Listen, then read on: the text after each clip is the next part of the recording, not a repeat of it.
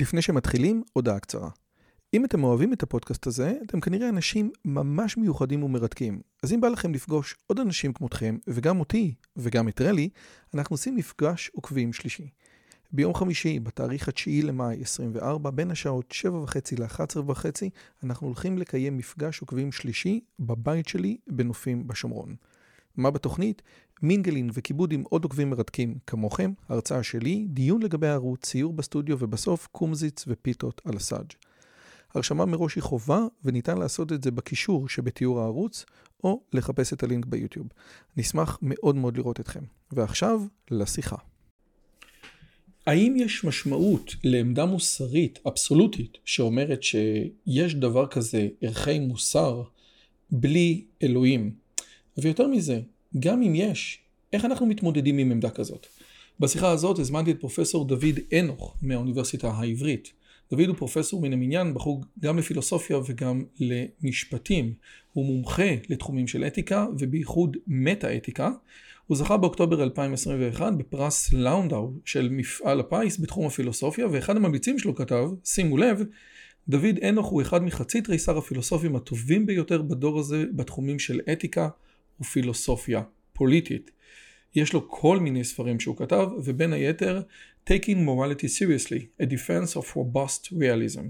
בשיחה הזאת דיברנו על מוסר אה, אובייקטיביסטי בלי אלוהים, דיברנו על הבעיות, דיברנו על הצדדים המעניינים שבו, ודיברנו גם על מה ניתן לעשות בוויכוחים מוסריים שאנחנו רואים את הדברים אחרת. לדוגמה, האם זה הגיוני לא לבוא לבקר בהתנחלויות, אבל לדבר עם מישהו שגר בהתנחלויות. זאת הייתה שיחה מרתקת, ואני בטוח שתהנו ממנה כמו שאני. שלום לכולם, לי קוראים רועי יוזביץ', ובערוץ הזה אני מדבר ומשוחח עם האנשים המרתקים ביותר בכל תחום, בתחומים של פילוסופיה, משפט, אומנות, מדע, בינה מלאכותית ועוד. אם השיחה הזאת נראית לכם מעניינת, אתם מוזמנים להיכנס לערוץ, להירשם, ללחוץ על הפעמון, להיכנס לטלגרם, להיות חלק מהקהילה המדהימה שלנו. ועכשיו, פרופסור דוד אנוך. פרופסור דוד אנוך, האוניברסיטה העברית, בוקר טוב, מה שלומך? בוקר טוב, בסדר גמור, מה שלומך רועי? Uh, מיליון יורו, מתרגש, שמח. Uh, אני אגיד לך את האמת, לצערי, למרות שאני כן מתעסק בכל הסוגיות האלה של uh, פילוסופיה ומוסר, גם מהצד הדתי, את השם שלך אני בוש ונכלם, לא הכרתי עד לפני, uh, אני חושב, חצי שנה. שראיתי חלק אה, מהדברים שאתה מעלה ליוטיוב, בעיקר ה debate עם מיכאל אברהם, ולפני שאני מתחיל לדבר על כל מיני דברים שקשורים למוסר, הייתי שמח לשמוע את ה take שלך על הסיפור הזה, של מצד אחד יש פה פילוסוף חשוב, שמקבל פרסים, והעבודה שלו היא, היא, היא עבודה רצינית, אבל היא תחומה פחות או יותר בין כמה אקדמאים שלא כל כך מכירים. סליחה שאני אומר את זה, כן? אתה לא סלב בסדר. במובן של נועה קיריל, בסדר? כואב, אבל זו המציאות, כן. כן, ופתאום המשמעות הזאת של כן לעשות דיבייטים, או כן לעשות שיחות בפודקאסט, אפילו שלכאורה לא רק שזה לא חלק מהתפקיד שלך, אתה לא מקבל על זה לא כסף וגם לא קרדיט מהאוניברסיטה, כן? זאת אומרת, זה לא משהו שאתה יכול להכניס ל-CV שלך בדיוני אה, התקדמות. ועושה רושם שלמרות שזה משהו שהוא חסר ערך אולי מבחינה אקדמית, הוא סופר משמעותי. בייחוד בגלל שאתה שם לב, אני מניח, גם, מה, גם מהשיחות האחרונות שלך ביוטיוב בשנה האחרונה, לא, לא, לאימפקט שזה יוצר. אז הייתי שמח ש... לשמוע את הטייק שלך על הסיפור הזה. כאן יש, כאן יש הרבה מה אה, להגיד. אה, דבר אחד שאפשר להגיד זה שרבים מאיתנו באקדמיה, בוודאי במקצועות אה, במדעי החברה והרוח, אולי בוודאי במקצועות שיש להם קשר לכאורה לעניינים שעל סדר יומנו הציבור. אני עושה אתיקה ופילוסופיה פוליטית אז זה מתבקש, אבל אז לרבים מאיתנו אנחנו בעצם משפיענים מתוסכלים. כלומר כל פעם שאנחנו כותבים אנחנו אה, יודעים היטב שבמקרה הטוב נקבל כמה הערות שוליים בעבודה של קולגות אבל בעצם אנחנו מצפים שאמות הסיפים ירעדו ושהציבור אה, הגדול יקרא ויפקחו עיניו אז אנחנו יודעים להיות ציניים לגבי עצמנו כמובן אבל אה, הציפייה הזאת כן קיימת שם ואני חושב שהרבה אנשים מבינים שככל שיש לנו משהו להגיד שמעניין באופן יותר רחב הדרך לתקשר אותו היא לא עוד מאמר בכתב עת מקצועי, אה, ויש שלל, שלל דרכים אחרות. זה דבר אחד.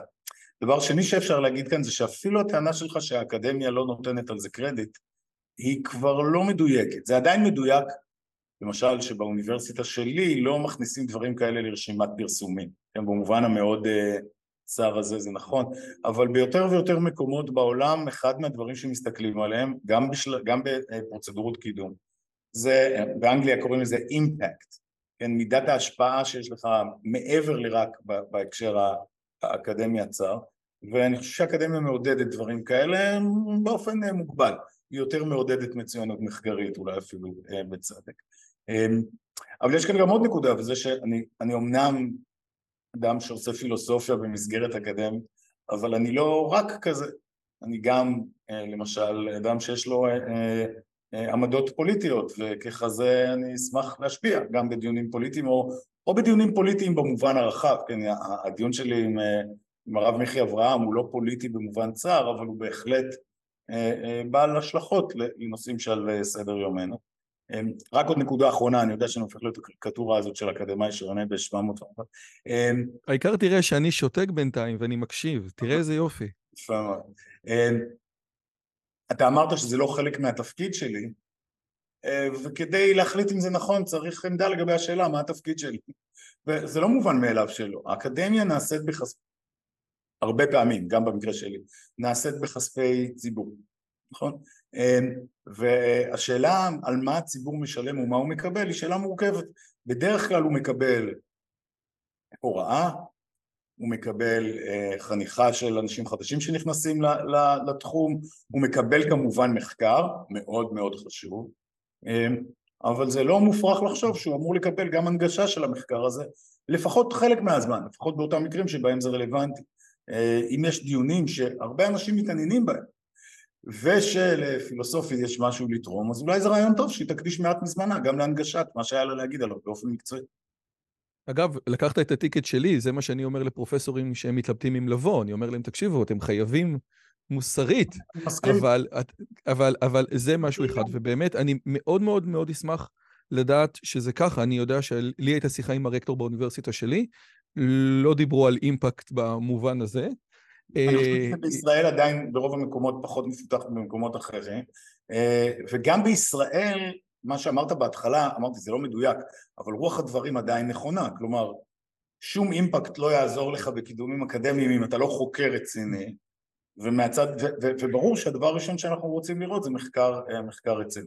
אבל כן, בהחלט מתייחסים גם לדברים מהסוג יפה, אז, אז יש לך גם בתחום של הפילוסופיה וגם של האתיקה וגם של המטה-אתיקה וגם של הפילוסופיה של המשפט, שבכלל עכשיו זה, זה כיף, אני, אני תמיד אומר שאיזה כיף למרצים למשפט חוקתי, כן, שהיו צריכים ללמד על עילת הסבירות, שזה שקר קטן בתוך קורס איום ונורא, וזה היה סתם תיק, ופתאום הם, האנשים יוצאים לרחובות, כן? זה כמו שאנשים יצאו על הרחובות על אה, איזה מחשב יותר טוב, כן? מקינטוש או זה, זה נפלא להם. אז בואו נתחיל, בבקשה. המחאות בשאלה האם ריאליזם מוסרי הוא העמדה המתאטית הנכון. או, יפה מאוד. אז בואו באמת נתחיל בשאלה הזאת. אני רק רוצה לחדד, השיחה הזאת שלנו באה בעקבות שני דיבייטים שנמצאים באינטרנט, אפשר גם לראות אותם בתגובות פה. אחד debate שלך עם הרב מיכאל אברהם, אה, לגבי אה, בהינתן שאין אה, אלוהים, האם יש הצדקה למוסר, או האם הכל אללה בבאללה, כמו שאשתי אומרת, ושיחה אחרת עם דוקטור משה רט. אה, אני בגדול בקו גם של מיכאל אברהם וגם של משה רט, ולמרות זאת, כמו שאמרתי לך בשיחה הקודמת, אני מרגיש שאצלך שמעתי פעם ראשונה טיעונים רציניים לטובת הגישה השנייה, וחשוב לי לא לעשות את זה בצורה של debate, אלא באמת לנסות לעזור להביא את, ה, אה, את הדעה שלך עד כמה שאני יכול בצורה טובה. אבל אני רוצה להתחיל דווקא לשאול, אז מי שרוצה, שווה לו באמת לראות את הדיבייטים, הם נמצאים, אנחנו לא נעשה את זה בצורה של debate. אחד הדברים שאתה אומר בדיבייטים וחוזר ואומר, שכמו ש... כמו שנפוליאון שאל את לפלס, כן, שהוא כתב, שהוא הביא לו ספר על קורות העולם, אז הוא אמר, איפה אלוהים נמצא פה? אז לפלס ענה, אני לא צריך את ההיפותזה הזאת, כן? עכשיו, זה היה משפט כזה משמעותי, שעובדה שאנחנו 300 שנה אחרי, או 250 שנה אחרי, אנחנו זוכרים את המשפט, כן? זאת אומרת, בין אם לפלס היה צריך או לא צריך, הוא הביא פה בומבה, אוקיי? וכשאתה אומר, אני לא נזקק לאלוהים למוסר, האם לפחות אתה אומר, כן, בואנה, זאת טענה רצינית, זאת טענה חדשה, זאת טענה שלא הייתה היסטורית במשך השנים. כאילו, זה לא משהו שהוא טריוויאלי שאני אומר לכם, אלא באמת, לאורך האנושות חשבנו ככה, ואני בא ומחדש, או, או, או התפיסה הריאליסטית האתאיסטית באה ומחדשת איזה משהו שהוא חשוב מאוד והוא יכול להיות גם נכון, אבל הוא עדיין חידוש גדול. אז אתה רואה את מה שאתה אומר כחידוש גדול? לא, אני לא חושב שזה חידוש גדול. קודם כל זה בוודאי לא חידוש שלי מגיע קרדיט עליו, אה, אבל אה, אני גם לא רואה את זה כחידוש גדול. זה נכון לדרק פרפיט, אחד הפילוסופים הידועים של המוסר, אה, בסוף הספר הגדול שלו, Reasons and Persons, הוא, הוא מנסה להביע אופטימיות למרות שהוא מגיע לבעיות רבות ולא ברור איך להשיב על חלק מהשאלות, הוא אומר משהו כמו תרגעו, אתיקה לא דתית היא בסך הכל דיסציפלינה די חדשה, היא די בחיתוליה, אז די טבעי שאנחנו עדיין לא יודעים אה, הרבה דברים. אז נכון שאתיקה לא דתית, לפחות במערב, היא די חדשה, אבל אין כאן אה, אה, שום חידוש גדול. ראשית, לפחות מאה שנה אנשים אה, מדברים על עמדות כאלה אה, באופן, מאז שיש מטה-אתיקה באופן רציני מדברים על עמדות כאלה. שנית, חלק... מאז הספר של מור לצורך העניין, מאז הפרינציפי האתיקה, למשל, כן, זאת נקודת, מה זה, 1903 או משהו כזה, זאת נקודת, אה, נקודת פתיחה לא רעה שמציינים בדרך כלל, למרות שכן, אפלטון ידע טוב מאוד לעשות מטאטיקה גם קודם, וגם הוא עשה אותה באופן, לפחות לעיתים, באופן שלא מצריך את אלוהים, לא מצריך את האלוהים היהודי נוצרי, אבל, אבל אפילו לא מצריך את האלים שכן היה להם תפקיד בכתיבה שלו בעניינים, אה, בעניינים אחרים.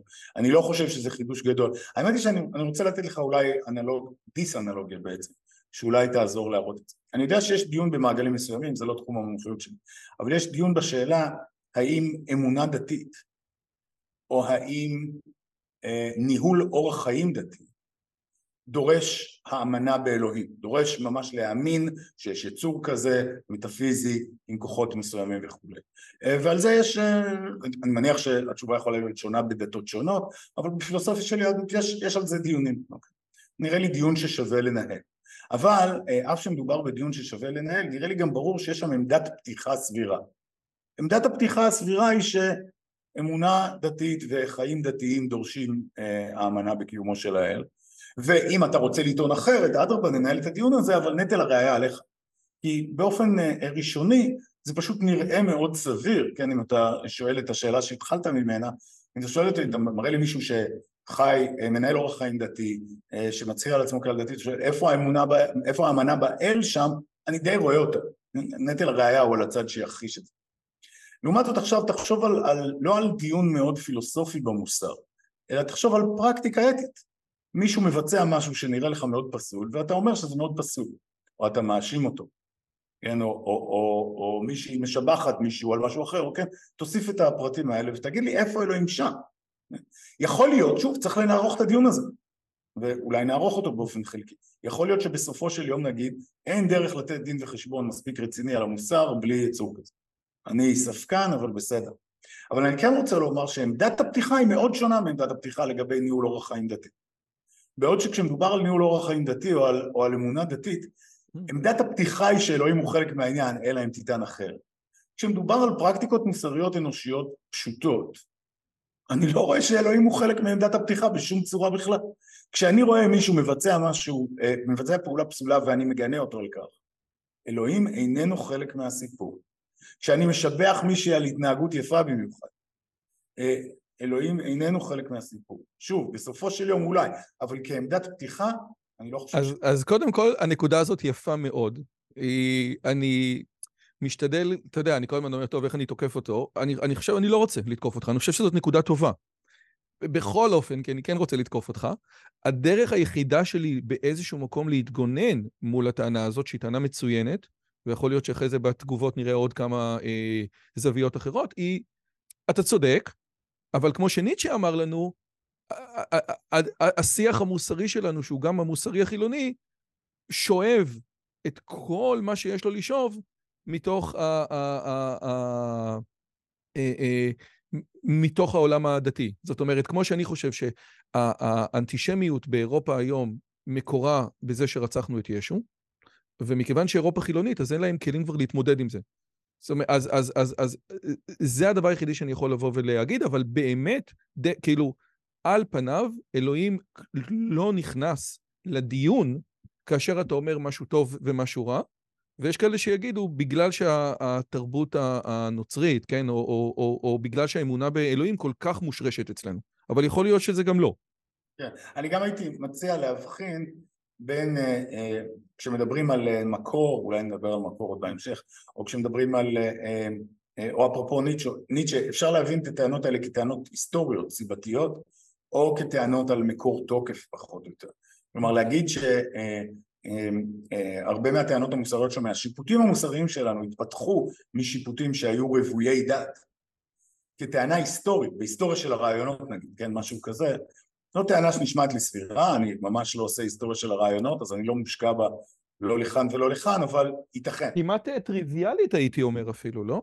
אמ, אני לא בטוח, תכף אם תרצה אני אעלה. אוקיי. ספק לגבי זה, אבל כאמור, אני לא מושקע בהיסטוריה של הרעיונות בשום, אה, בשום דרך. אמ, אני לא, אבל אני לא, לא צריך להכחיש את זה, כל מה שאני צריך להכחיש זה את הטענה שמקור התוקף של נורמות מוסריות קשור בעניינים דתיים. וזה נראה לי, אה, וזה נראה לי בוודאי, אה, בוודאי לא נכון. אה, לגבי השאלה עד כמה זה ברור שחשיבה מוסרית מקורה, בחש... מקורה ההיסטורי בחשיבה דתית, אני רוצה להרחיב את מבטנו קצת, בדרך כלל כשאנחנו במחוזותינו כשמדברים על היסטוריה של העולם ובטח היסטוריה של הדת של העולם מתכוונים להיסטוריה של לא יודע כמה זה יוצא בערך שליש מהעולם נכון? אירופה אזורים מסוימים במזרח התיכון וזהו פחות או יותר יש עוד כמה דתות ועוד כמה גישות על הקשר שבין הדת למוסר, אני עוד יודע לגביהן פחות מאשר אני יודע לגבי יהדות, אבל נדמה לי שהמחשבה שהמוסר אה, מקורו בדת הרבה פחות, אה, אה, הרבה פחות טריוויאלית במסורות כאלה. אני גם חושב שבתקופות אחרות זה היה הרבה פחות ברור. אצל היוונים היו קשרים בין המוסר לבין, היו קשרים שאנשים חשבו עליהם כמובן בין המוסר לבין הדת, היו מספיק קשרים כדי ש... אבטיפרון בדיאלוג האפלטוני שקרוי על שמו אה, יציע את התזה שפעולה היא, אה, לומר על פעולה שהיא חסודה זה פשוט לומר שהיא נאהבת על ידי האלים, כן? לא כאילו אנשים לא, התקר... לא, לא העלו אפשרויות כאלה, אבל there and then סוקרטס אתגר את, את, ה, אה, את העמדה הזאת ואני חושב שיש גם יסוד וגם היסטוריה לטענה שזה הפוך שאנשים אה, מגיעים מחויבים מוסרית ואז מנסים להלביש את זה במחלצות דתיות ולא הפוך, אבל כאמור, אני לא... אוקיי, אז, אז בסדר, אז, אז אני רוצה רק להעיר שני דברים למי שלא מכיר את הדיאלוג של או טריפון או אב טריפון. אה, אני חושב שהוא מעניין מאוד, בייחוד למי שחושב שמקור המוסר הוא מאלוהים. בעצם השאלה ששואל אה, אפלטון בדיאלוג הזה, בהקשר הזה, למה אלוהים מצווה על פקודות מוסריות, כן? זאת אומרת, האם דברים מוסריים הם מוסריים כי אלוהים אמר אותם? ואם אלוהים אמר אותם, אז אלוהים אמר הרבה מאוד דברים. אנחנו בדרך כלל מחלי... אה, נותנים איזשהו אה, הבדל בין ואהבת לרעך כמוך ובין, אני לא יודע מה, איסורי כלאיים. זה לא אותו דבר, זה לא מרגיש לנו אותו הדבר. אז אם, אם הדבר מוסרי כי אלוהים אמר אותו, אז כל מה שאלוהים אומר זה מוסרי, כן? ואז השאלה היא, מה קורה לגבי אלוהים אומר לאברהם לרצוח את הילד שלו? ואם אלוהים מבקש כי זה מוסרי, זה מחזיר אותנו למה שדוד אומר, כן? שגם אלוהים כפוף, כאילו יש איזה משהו אובייקטיבי מוסרי, וגם אלוהים כפוף לו, ואומר לך, תקשיב, לך לנקודה הזאת. זאת אומרת, אז אני חושב, אני חושב שהנקודה הזאת היא, היא גם נקודה ש... לא, לא להטעות אנשים, זה היה טאץ' uh, מאוד יהודי על לב תפרון. Uh, הדיאלוג האפלטוני לא מדבר על פסלות מוסרית ולא מדבר על אל יחיד, ולא, כן יש שם עוד כמה, עוד כמה כן. דברים מהסוג הזה, אבל זה נכון שהניגוד, ממש קוראים לזה בספרות כך, הניגוד של לבטיפרון, the euthyphro contrast, הניגוד הזה אומר בוא נניח רגע שזה נכון, שפעולות הן אה, לצורך העניין, כן לא הדוגמה שלו, פסולות אם ורק אם נאסרו על ידי האל. עדיין אפשר לשאול האם הן פסולות משום שהן נאסרו על ידי האל, או האם הן נאסרו על ידי האל משום שהן פסולות, ולפחות לתפיסה, לתפיסות מסוימות לגבי הקשר בין המוסר והדת, מרגע שאתה שואל את השאלה הזאת, הן כבר ניצבות בפני אתגר, אה, בפני אתגר אדיר ובוודאי לא, לא טריוויאלי. לא, לא, לא, נכון. והדבר השני לגבי אמונה של יהודים באלוהים, שלייבוביץ' ודאי תופס את היהדות כסט של פרקטיקות, כן? אז יש את הבדיחה המפורסמת של דוריאנוב, שהוא מביא אותה על שני תלמידי חכמים שמתווכחים כל הלילה, יש אלוהים, אין אלוהים, ובשלוש בלילה מגיעים למסקנה שאין אלוהים. אז אחד אומר לחבר שלו, טוב, אתה בא לוותיקין? אז אומר לו, רגע, אבל אמרנו שאין אלוהים. הוא אומר, מה זה משנה, יהודי מניח תפילין בבוקר. זאת אומרת, אז, אז גם, גם הקונספטים האלה, של זה לא באמת משנה במה אתה מאמין, משנה מה אתה עושה. אז בוא בבקשה נלך, ל, לפני שנגיע ל...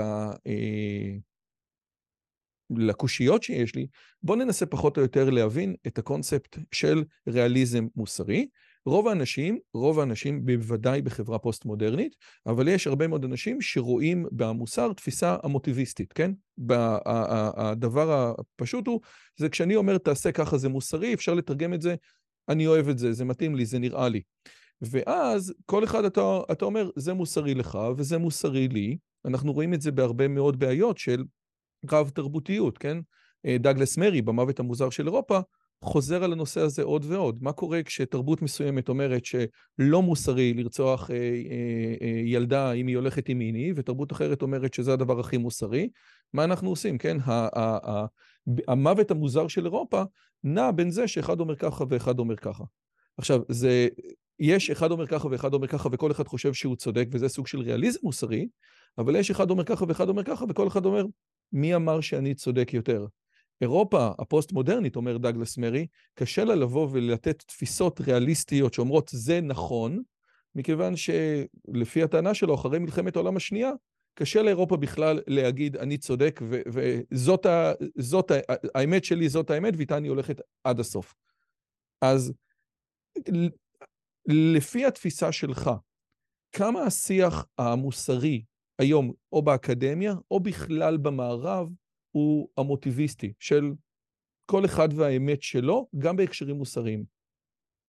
טוב, אז היה שם הרבה, תרשה לי לא להתייחס למרי, אה, אה, אבל אה, אני כן חושב שהשאלות המטה-אתיות, אלה שאלות מהסוג של, שהזכרנו, שאלות על אודות המוסר, למשל, האם יש תשובה אחת נכונה, האם יש אמיתות מוסריות, האם הן אובייקטיביות וכולי, תכף נדבר על זה עוד אני מניח.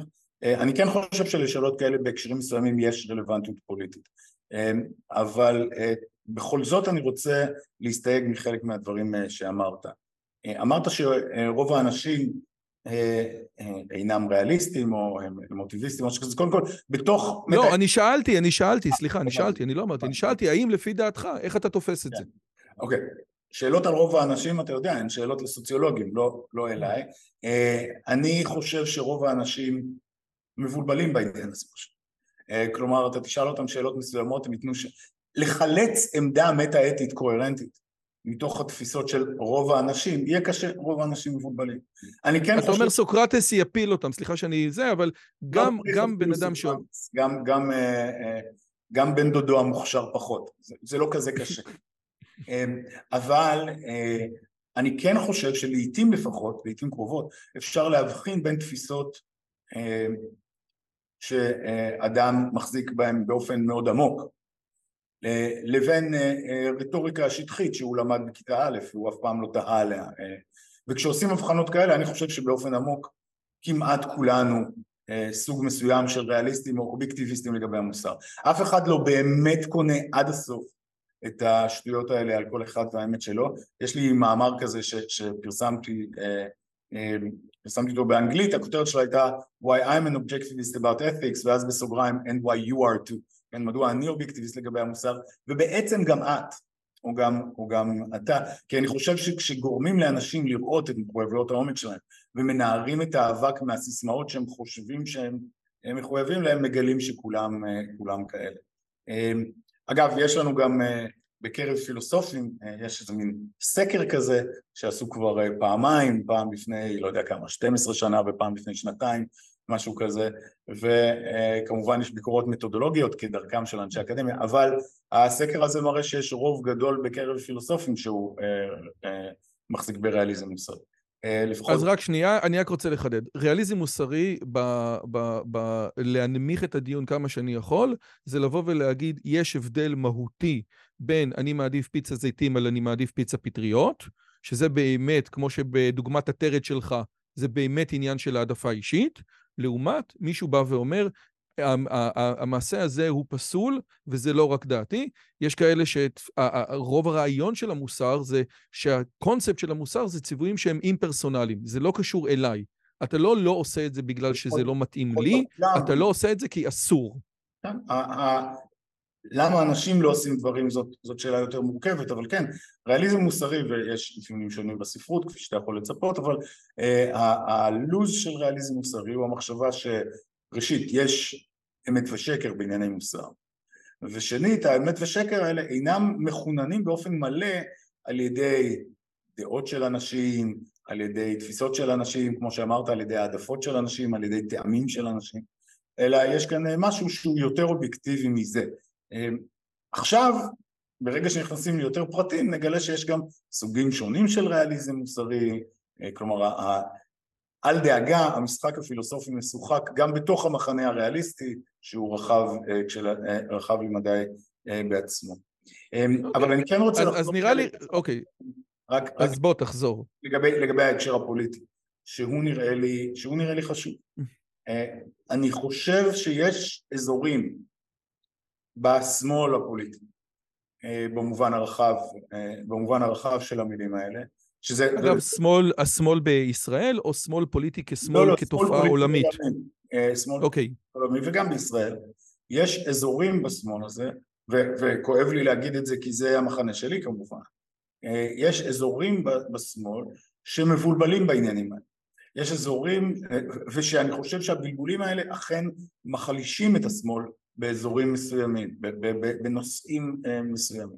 למשל, אין אה, אה, המחשבות נכונות על בעיות עם אימפריאליזם הערבי ובעיות עם חוסר סובלנות ועוד בעיות רבות אחרות מתורגמות למין מחשבות כלליות שנשמעות כמו שלילה של ריאליזם או של אובייקטיביות ובצד השני יש פחות החלשה מהסוג הזה, אני חושב שלכן בנוסף לכך שנגיד רלטיביזם מוזר, מוסרי פשטני הוא אה, מביך אינטלקטואלית, פשוט לא עומד במבחן של ביקורות אלמנטריות, אני גם חושב שהוא מסוכן פוליטית.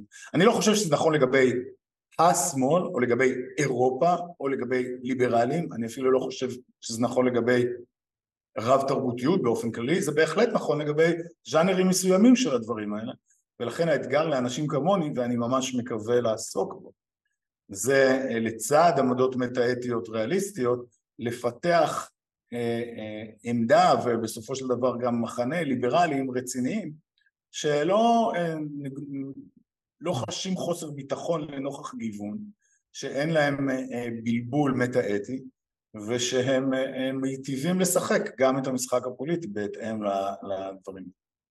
אגב, מהצד השמרני אני אגיד שעל פניו עושה רושם שתפיסות פרוגרסיביות ופוסט-מודרניות פילוסופיות, כן, בוודאי אה, נתקלות בבעיות שאתה מציג.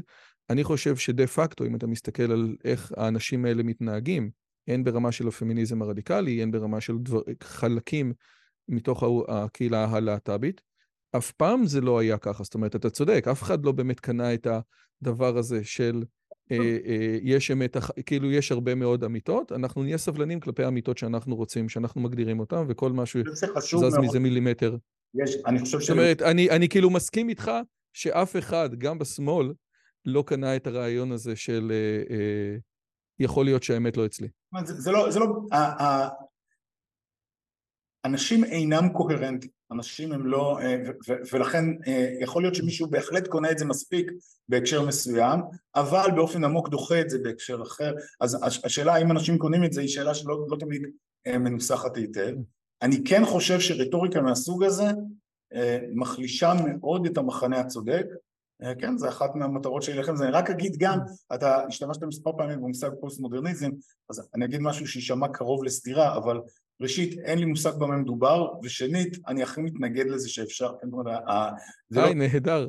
אז אה, אפשר, אפשר לדייק יותר בשתי הטענות האלה כדי שהן לא תסתורנה זו את זו, אבל אנחנו לא חייבים להיכנס. כן.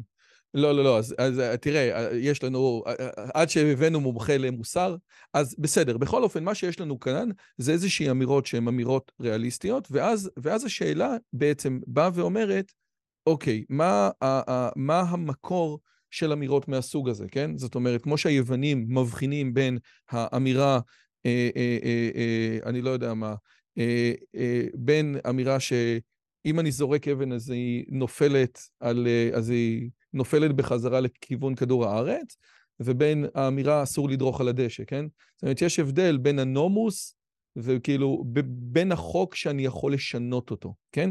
אז השאלה היא, האם החוקים האלה, שאנחנו מדברים כחוקים מוסריים, מה המקור שלהם? האם הם חוקים שבאים מהעולם, או חוקים שאני, תכלס, זה מה שמקובל, כן? מה, מה, איך אני אמור לי, להתייחס לחוקים אסור לרצוח? כן. אני חושב שאכן זה טיעון אה, נפוץ בהקשרים כאלה, ואני חושב שהוא... אה, זה אפילו לא טיעון, זאת באמת שאלה. שאלה. נכון, השאלה הזאת הופכת להיות טיעון, אה, טיעון מאלימינציה, טיעון מפסילת חלופות. כלומר, נשאלת השאלה, אוקיי, מה, אה, מה המועמדים למקור של המוסר? ואז אנשים מציעים מקור נגיד חברתי, ומגלים שאם אתה מדבר על, לא יודע מה, קונבנציות חברתיות כמקור של המוסר, התוקף שהמוסר מקבל הוא קונטינגנטי, הוא תלוי נסיבות. אה, בהינתן, נורם, בהינתן קונבנציות אחרות, הנורמות תהיינה אחרות, כולל גרועות מאוד, כי אנחנו יודעים שקונבנציות יכולות להיות גרועות מאוד. אה, אז זה לא נראה מקור טוב, אוקיי. ואז אולי עוברים על עוד כמה אפשרויות, ורואים שבעצם אין, אין חלופה טובה שנותנת לנו את מה שאנחנו רוצים או חושבים שנכון לגבי המוסר, למהו המקור של המוסר זולת אלוהים. רגע שנייה, אבל לפני הזולת אלוהים, בגלל שעוד רגע, כי אני הקשבתי לך בקשב רב בשתי השיחות, ואתה אומר, השאלה הזאת היא שאלה מאוד מוזרה, אין לה מקור, אבל, אבל אתה יודע, לצורך העניין, למקור של חוקי הטבע, בסופו של דבר, אם מישהו ישאל, אוקיי, מה המקור של זה? אז, אז, אז אני אגיד לו, אני לא יודע, זה עובד פשוט. אז, אז זה, זה, זה, זה, זאתי גם תשובה, בלי קטע... לא אני לא יודע, אני לא יודע מה להגיד לגבי אה, אה, זה עובד, אני לא חושב ש... אה, אולי צריך להגיד את הדבר הבא, שאלות על מקור הן שאלות מטאפורות, אה, ועכשיו השאלה, בדרך כלל, נכון? זה לא כמו ללכת לאורך נחל ולשאול מה המקור שלו ולהצביע על המעיין, זה לא במובן, נכון. במובן מילולי כזה. כן. ולכן הדבר המרכזי שצריך לעשות בתור נקודת פתיחה כאן זה לשאול למה בדיוק הכוונה באופן מילולי, לא מטאפורי, ואולי גם להבחין בין כוונות שונות שאפשר להעלות כאן. למשל, כשאתה אמרת על המקור של חוקי הטבע, שזה שזה עובד, אתה מן הסתם התכוונת לטעם שלי להאמין בכך. מקור באיזשהו מובן אפיסטמי, הצדקה. זה בוודאי לא כן. המקור, המקור המטאפיזי, נכון? קח, קח איזשהו חוק טבע, לא יודע חוק הגרביטציה האוניברסלי, אתה לא חושב שמה שהופך אותו לחוק או שמה שמסביר משהו לגבי קיומו זה זה שהוא עובד. לכל יותר אתה חושב שהטעם שלי או שלך או שלנו להאמין בו זה זה שהוא... יותר מזה, הטעם המטאפיזי נראה לי עוד יותר הזוי, העובדה שבכלל מישהו שם, שהקוסמוס אה, אה, שם פס על מה שאתה כותב בספרי הפיזיקה, הוא, הוא מטורף בעיניי, כן? זאת אומרת, זה לא רק אני, הרבה פיזיקאים דיברו על ה... על הדבר הכי לא מובן ביקום, זה שהוא מובן, כן? זה, זה, זה, זה באמת מוזר, אבל כן, ודאי אבל, אבל שאני... לתוך... נכון. אתה כאילו מחדד בין מקור מטאפיזי ובין מקור אפיסטמי, נכון? נכון? מקבל כבר, את ה... זאת כבר הבחנה כן. חשובה, נכון? ועכשיו, אה, אה, מה שצריך לשים לב אליו, לפני שמגיעים לחלופות שפוסלים אותן, כפי שכבר אה, רמזת, זה להנחה, או אולי אפילו קדם הנחה בשאלה שלך, מה המקור של המוסר. קדם ההנחה היא שלמוסר יש מקור. אה, ואני כמובן אה, אה, מערער על, על קדם ההנחה הזאת. יש הרבה דברים שאנחנו לא שואלים את השאלה, מה המקור של הלוגיקה? או זה לא רציונלי לגבש האמנות על יסוד wishful thinking, כן, על יסוד סתם, אני מאוד רוצה שמשהו יהיה אמיתי, לכן לגבש את האמנה שהוא אמיתי, זה נראה לנו לא רציונלי. מה המקור של חוסר הרציונליות הזה? מה המקור של המספר שמונה או של הקבוצה הריקה? מה המקור של זה שאין מספר ראשוני גדול ביותר? כל השאלות האלה הן שאלות מאוד מוזרות, מה שמתבקש להגיד זה שאין להן מקור, וזה בסדר גמור שאין להן מקור, זה לא מאתגר אותם בשום צורה, כי לא לכל דבר אמור להיות מקור. אה, זה בוודאי נכון לגבי דברים שהם הכרחיים. אם ריאליסטים צודקים, או לפחות ריאליסטים מזן מסוים, מהזן שלי, צודקים לגבי המוסר, אז האמיתות המוסריות הבסיסיות ביותר הן נצחיות והכרחיות. הן לא הפכו להיות אמיתיות באיזשהו תאריך בהיסטוריה, אולי הן הפכו להיות ידועות או מוכרות או נפוצות באיזשהו תאריך בהיסטוריה, אבל הן, אבל הן תמיד היו שם והן גם תמיד יהיו שם והן אה, אמיתיות אפילו במה אה, שפילוסופים אוהבים לכנות עולמות אפשריים אחרים. אה, לדברים כאלה אין מקור יותר ממה שיש למספר שמונה או לעובדה שיש אין סוף מספרים ראשונים. אבל אני שמעתי את הטיעון שלך אצל, גם, גם אצל מיכאל וגם אצל משה רט, וברשותך, הוא, הוא, הוא היה לי קצת מוזר, אז אני אסביר למה אני מתכוון, כן? בסופו של דבר, מוסר זאת התנהגות אנושית, כן? לי, אתה יודע, עד כמה... הכל, רגע, הכל עובד פה, בתוך הראש. לא, לא, לא, כן? לא, שנייה, שנייה, זה נראה לי, זה נראה לי חשוב. אמרת בסופו של דבר המוסר הוא התנהגות אנושית, אני לא מסכים בכלל. המוסר הוא על אודות התנהגות אנושית. לא רק, אבל בעיקר. אוקיי, בסדר, אני, אני חושב שזו חלוקה לא נכונה שאני אפילו... אני, רגע, שנייה, אז, אז, אז, אז, אז אני, אני כנ, כנראה, בגלל שחשבת על הנושא הזה יותר ממני, החלוקה שלך היא ממש חשובה, אז, אז, אז ברשותך לרגע אני מתעלם ממנה, כי אני בטוח שאתה צודק ב, ב, בחילוק הזה, אבל, אז, אבל אני, אני, אני, אני כן אשמח בעצם להעלות את השאלה. המוסר הוא לידות התנהגות אנושית, בסדר, וההתנהגות האנושית באה לידי ביטוי במוח שלנו, כן? שהוא התפתח אבולוציונית מ... לא יודע מה. ואז אני יכול לבוא ולשאול, תקשיב, מה המקור לזה שאנשים, היו פה הרבה מאוד פסיכולוגים אבולוציוניים, כן? אז, אז, אז השיחה הזאת היא שיחה שהיא מעניינת. מה המקור לזה ש... אני לא יודע מה, שאנשים מתנשקים. מה המקור לזה שגברים פחות מונוגמיים? לא יודע. ואז יש כל מיני הסברים אבולוציוניים כאלה ואחרים. מה המקור לזה שאימא שומרת על הצאצאים שלה, משהו שהיינו תופסים כמוסרי? מה המקור לזה להתנהגויות מוסריות? אנשים כמו סטיבן פינקר ואחרים, כן, אה, אה, אה, יכולים להצביע על מקורות, כן, למקורות אבולוציוניים להתנהגות. הנה, אתה רואה גם בממלכת החי, אנחנו רואים התנהגויות שהיינו יכולים לתרגם אותן כמוסריות, ומסתבר שההתנהגות האלה, אבולוציוניות, הם האלה שנתנו לנו את היתרון ההישרדותי, כן? whatever, זאת, זאת, זאת הייתה יכולה להיות אה, אה, דעה, ואז רוג'ר סקרוטון בטבע האדם אומר, נניח שהוא צודק, עדיין זה לא נותן למה אני צריך לעשות את זה. אבל, אבל, אבל אני כן יכול לשאול, פינקר שואל על המקור של התנהגויות מוסריות, והוא הולך לאבולוציה. למה אי אפשר, למה אתה מתנגד לשאלה הזאת? או שאתה אומר, כשפינקר שואל, הוא מתכוון למקור ההיסטורי, כן? ואני מתכוון למקור ה... או בדיוק לאותו מקור מטאפיזי שסקרוטון אומר שפינקר לא נותן עליו את התשובה. אני, אני לא, אה, אין לי שום בעיה עם השאלות האלה, אני רק רוצה להבחין בין שאלות שונות. אה, את סוג השאלה שאתה תיארת, מה מסביר את ההתנהגויות המוסריות שלנו, אפשר לשאול באופן דומה, לגבי, או, או אפילו את השיפוטים המוסריים שלנו, מה מסביר, מדוע עמדותינו המוסריות הן כאלה ולא אחרות. אה, את השאלות האלה אפשר לשאול כמובן בכלים סיבתיים, סוציולוגיים, פסיכולוגיים, אבולוציוניים. אנתרופולוגיים, מה כן, שאתה רוצה. כל השאלות האלה אפשר לשאול גם אגב על הפיזיקה. נכון, אפשר לשאול מה מסביר את התפיסות שלנו בפיזיקה. וגם כאן תצטרך לעשות אה, אה, סוציולוגיה ופסיכולוגיה ואבולוציה ואולי גם כלכלה ואולי גם פוליטיקה, נכון? ועוד כל מיני... אני חושב שזה לא אותו דבר, אתה, אתה, אתה קצת, אה, אתה קצת לא הוגן איתי. אבל אני באמצע... וזה לא יפה, כי אני הייתי בחור נורא נחמד עד עכשיו. מאוד. אני, אני, באמצע, אני באמצע נקודה. אני רוצה להבחין בין סוגי שאלות שונים.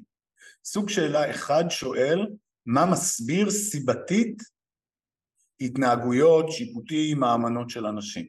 אם אתה שואל את השאלה הזאת, אתה כבר בזירה המדעית במובן הרחב, כמובן כולל מדעי חברה וכו'.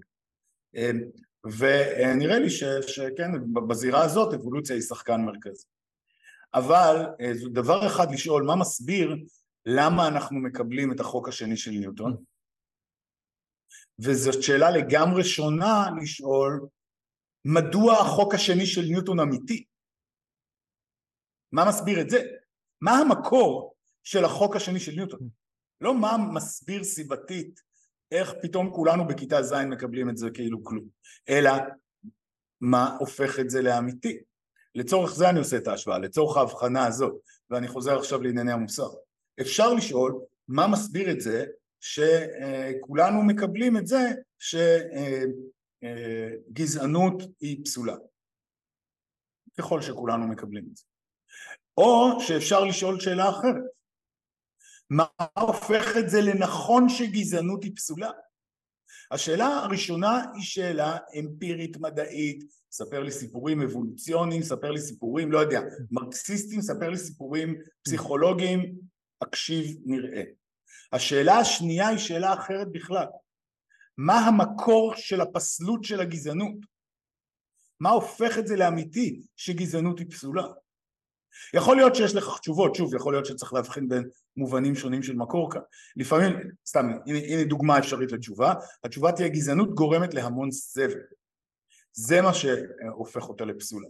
זו תשובה אפשרית, שים לב שהיא לא תשובה מטה-אתית, היא תשובה אתית. בתוך הדיון האתי, אני אומר לך, דבר אחד פסול גורם לדבר אחר רע, לסבל. זו תפיסה תועלתנית כזאת, כן? יכולה להיות. משהו לא. יהיה, משהו יהיה מוסרי או לא מוסרי ככמה טוב או רע הוא יביא לעולם. לא בטוח שאתה חייב להיות תועלתן בשביל לחשוב שסבל משנה מבחינה מוסרית. כלומר, אני הסתמכתי על טענה יותר מינימלית, אוקיי. אבל לא משנה. אוקיי. אפשר לתת הסברים תוך מוסריים, תוך אתיים, להסביר אמת מוסרית אחת באמצעות אמת מוסרית או ערכית אחרת, זה בסדר. אבל השאלה על המקור שאמורה לקרב אותנו אל אלוהים היא שאלה מטה-אתית כביכול. זאת אומרת, אוקיי, כל המבנה המוסרי הזה על פסלותה של גזענות, ועל הרוע של סבל וכל זה, כל זה צריך לנבוע ממשהו, ואין לנו מועמדים טובים יותר מאלוהים. ועל זה אני אומר, שנייה, לא, אז, הוא אז, לא אז צריך בוא... לנבוע משום דבר בכלל. רגע, שנייה. אז לו, לו היית שואל אותי למה גזענות זה דבר שהוא רע, והייתי נותן לך טיעון, כי אלוהים אמר שבני האדם נבראו בצלם, ובשונה מהחיות שיש סוגים שונים של חיות, אצל בני האדם אין סוג, ובני האדם נבראו בצלם אלוהים, ולכל בן אדם יש צלם אלוהים, וכשאתה מתייחס לבן אדם אחר, אחד, בצורה אחרת מבן אדם אחר, אתה פוגע בצלם האלוהים של האדם. נניח שהייתי נותן טיעון כזה, היית מגדיר אותו כטיעון בתוך העולם האתי, או כבר טיעון מטה-אתי? איפה היית שם את הטיעון הזה? כן, זו דוגמה טובה, כי אני חושב שזו דוגמה שמאתגרת את ההבחנה. היא, היא לא, היא לא, אה, אה, לא במובן זה שהיא הופכת את ההבחנה ל, ל, אה, לא קוהרנטית או משהו, את ההבחנה בין אתיקה למטה-אתיקה ללא קוהרנטית, אלא במובן זה שהיא משלבת יסודות משני הצדדים של ההבחנה הזאת. אה, וזה בסדר, כן, אנחנו תמיד פילוסופים אוהבים הבחנות נקיות, שזה אחלה, אבל מצד אבל שני, אין. בכך שהרבה פעמים בסופו של יום צריך לקחת את הדברים מהצדדים של ההבחנות הנקיות ולראות גם איך יש אינטראקציות ביניהם וכולי. אז נימוק כזה נראה לי נימוק שבמובהק משלב יסודות אתיים אה, ויסודות מטה אתיים. אבל השאלה על המקור, השאלה הזאת שאמורה להראות, רגע, אה, אה, אה, מה המקור של החובה שלך לא להשפיל אנשים והאם המקור הזה הוא, הוא לא רק קונבנציונלי, נכון? הוא לא רק במצפון האישי שלך, כי יש אנשים עם כל מיני מצפונים וגם הם חייבים לא להשפיל, אז צריך להניח שהוא מגיע מאיזשהו מקור אלוהי או משהו דומה לכך. אמ, השאלה הזאת היא שאלה על מקור במובן שאני לא רואה שנזקק בכלל. במובן הזה אין מקור גם לאמיתות במתמטיקה במובן, או לאמיתות בסיסיות במתמטיקה. במובן הזה אני לא בטוח שיש מקור לאמיתות בפיזיקה, אבל זה דורש לדעת קצת יותר בפילוסופיה של, של חוקי הטבע. אמ, אז, אז כן. אבל, אבל עושה רושם לגבי הטענה הזאת של אלוהים, כן? זאת אומרת, אלוהים אמר שבני אדם נבראו בצלם, עד כמה שאתה מקבל את מה שהוא אמר, כן? אבל עד, עד, עד כמה שאתה מקבל את מה שהוא אמר, לכאורה היית יכול לבוא ולהגיד, כאילו, נו שוין, זאת אומרת, יש פה שני דברים. היית יכול להגיד, אוטר גזוקט, אז הוא אמר, כן, שזה משהו אחד, ואני חושב שהנקודה הזאת היא נקודה משמעותית. גם, גם חשוב לי מאוד אה, להגיד לטובתך, שבא, אה, שגם בדיון עם מיכאל אברהם וגם עם משה רט, האלוהים שהם מציגים הוא, הוא, הוא אלוהים מאוד מאוד מאוד פילוסופי, כן? זה שאני אומרת, קורא לו הוא... עם אה, מיכי אלוהים רזה. אלוהים, מה זה רזה? אה, וכאילו, כי אני קל, כי, כי, כי קל היה מאוד, או אני חושב היה הרבה יותר פשוט לנהל את הדיון אם לא תעשה ככה תלך לגיהנום. זה, זה באמת היה דיון שהיה לכאורה יותר פשוט לנהל. זה מוטיבציה רצינית. אתה לא מדבר על מוטיבציות, אבל ככה, נכון? זה, זה, זה, ה, ה, זה הרחבה משמעותית של הטיעון יבוא שוטר, כן? אה, ואגב, שזה הטיעון של חלק נכבד מהאנשים הדתיים. אני חושב שבמקרה הזה גם מיכאל אברהם וגם משה רט לא מייצגים את התפיסות המוסריות הקלאסיות, כן? אם לא תעשה, אם אתה, איך אומרים? למה אתה הולכת עם, למה אתה הולכת עם חצאית ב, ב, ב, בקיץ, עם חצאית ארוכה? בגיהנום חם יותר. זה טיעון, גם אם אתה כן מסכים איתו או לא מסכים איתו, הוא מאוד מובן, נכון? הדוגמה נוראית בעיניי, אה, אבל הטיעון, הטיעון מובן תלוי במה הוא רוצה לעשות, תכף אני ארחיב על זה, אבל, אבל כן, תמשיך. אוקיי, זאת אומרת, עוד פעם, ההבדל בין מוטיבציה ובין זה, אבל הייתי יכול לבוא ולהגיד, אוקיי, אז אלוהים אמר, אבל הדבר שני, הייתי, רגע, למה בגלל שבני אדם נבראו בצלם, אני לא יכול להתייחס אחד לשני אחרת? מה זה משנה? ואז הייתי מנסה להסביר, והייתי שואל עוד פעם למה, למה, למה, ובסוף הייתי מגיע לתשובה ככה. זה לא, היינו באיזשהו מקום צריכים לסגור פה את השרשרת, זה לא היה עובד, כן? זאת אומרת, באיזשהו שלב יש דברים שאתה צריך לקבל לא משנה מה, כן? כי אחרת אתה יכול לשאול למה עד הסוף. אז, אז איפה, איפה עובד הטיעון הזה? כי, כי עוד פעם, אני חשבתי שהטיעון שאני נותן, אלוהים אמר שבני אדם נבראו בצלם, הוא טיעון מספיק, אבל בן אדם אחר יכול לבוא ולהגיד, אוקיי, נניח שהוא אמר את זה, ונניח שאני מחויב לו כי אני אלך לגיהנום אחרת. סבבה. איך מפה אתה מגיע לזה שגזענות פסולה? כן, אז יש כאן שתי נקודות חשובות שאני חושב שנמצאות במה שאמרת, אבל אני מבקש להדגיש קצת. אחת היא באמת השאלה של הסברי, הרלוונטיות של הסברי שכר ועונש. כי יש, יש תאיסטים שטוענים שאלוהים נדרש לתמונה המוסרית לא, משו, לא כדי להסביר איך בכלל יש לנו חובות, או אולי לא רק בשביל זה, אלא כדי לתת לאנשים מוטיבציות לציית. שזאת טענה, זו טענה אפשרית, אני לא בטוח שהיא אה, אה, נתמכת על ידי הראיות. אם למשל ככל שהטענה הזאת חזקה היית מצפה לראות שאנשים דתיים מתנהגים יותר יפה מאנשים שאינם דתיים. אה, אדרבה, ארוך את המחקר. אני, אני חושב שיש מספיק התנהגות יפה ונוראית בכל הצדדים. אני לא רואה שיש קשר, אה, אה, בכל הצדדים האלה, כן? אני לא חושב שיש כאן איזשהו, אה, אני לא רואה שהראיות מחזקות, אבל, אבל אולי כן, יכול להיות, ו, ואני גם צריך להודות שאני כאן קצת... קצת אנטי, מגיע באנטי קצת. לא, לא זאת, זאת לא הנקודה שרציתי להדגיש, ואני לא חושב שהיא בעייתית, אני חושב שהנקודה הבעייתית היא שאין לי הפנומנולוגיה של אדם דתי שמצפה לשכר ועונש במובן הדתי, כלומר אני לא מרגיש את זה מבפנים כך, ולכן אולי היכולת שלי להבין את האפקט המוטיבציוני של זה היא מוגבלת, אבל על כל פנים זאת אכן סוגיה אחרת. כלומר, גם אם זה נכון שאמונה אה, אה, אה, באל או סיפורים דתיים מסוימים מספקים מוטיבציה להתנהגות מוסרית, מוטיבציה אפקטיבית בעולם להתנהגות מוסרית, זה עדיין לא משיב על השאלה האם אנחנו, האם אנחנו צריכים להניח את קיומו של האל בשביל להכיר בקיומן של חובות מוסריות. שאלות שונות פשוט. אז זאת, זאת אה, נקודה אחת. נקודה שנייה, אה, אני רק רוצה לתת, לחזק את מה שאמרת לגבי זה שיכול להיות שיש מישהו שיגיד שהסיפור על בריאה בצלם הוא לא רלוונטי, כן? הנה דרך יפה להציג את זה. נאמר שאתה אומר, אה, האל ציווה שלא נהיה גזענים, באמצעות הבריאה בצלם או באמצעות סיפור אחר. אפשר עכשיו לשאול, אוקיי, מדוע מן הראוי שאני אציית לאל? אה, הרי אם אתה תצווה עליי, השאלה הזאת תהיה טובה ולא תהיה עליה תשובה טובה, נכון? אנחנו לא צריכים לציית לכל מי שמצווה עליה. אז השאלה היא מדוע, מדוע מן הראוי לציית לאל? עכשיו, השאלה שלי היא לא איך תשיב עליה בדיוק, אלא איך אתה מבין את המן הראוי בשאלה מדוע מן הראוי לציית לאל. נראה שהמן הראוי הזה לא יכול לקבל תשובה פשוט באמצעות פקודת האל. המן הראוי הזה במובן חשוב קודם לכך שמשעה שהאל ציווה נאמר לכבד אנשים אה, מכל הסוגים אה, יש לך אה, חובה כזאת ועל המין הראוי הזה לכן גם אנשים שנותנים לאלוהים מקום נרחב באתיקה שלהם, על המין הראוי הזה הם צריכים לתת דין וחשבון בלי להפנות באופן ישיר לאל, או לפחות כך זה נראה, אני רק רוצה למען ההגיד. אגב, אני, אני רוצה לחדד, אחד הדברים... שנייה רועי, רק להשלים את הנקודה הזאת, יש יש על זה דיונים פילוסופיים רבים ויש תשובות, יש ניסיונות אה, להראות שבעצם יש עוד דרכים להבין כך שאתה לא מחויב למין הראוי החיצוני הזה, אבל בוודאי שהאתגר אה, הוא רציני. אני רק רוצה להגיד שבשיחה עם משה רט עלתה השאלה הזאת, ואז משה רט, עד כמה שאני הבנתי את התשובה שלו, אמר שבעצם צריך להבין מה ההגדרה שלו לאלוהים כדי לבוא ולהגיד, להבין שהשאלה הזאת אינה רלוונטית. גם לו יצויר שהוא צודק, ואני חושב שיש לו על מה לסמוך, עדיין להבין מה זה אלוהים, לפי משה רט, זה דבר שהוא מחוץ להישג של השיח הרגיל, כן?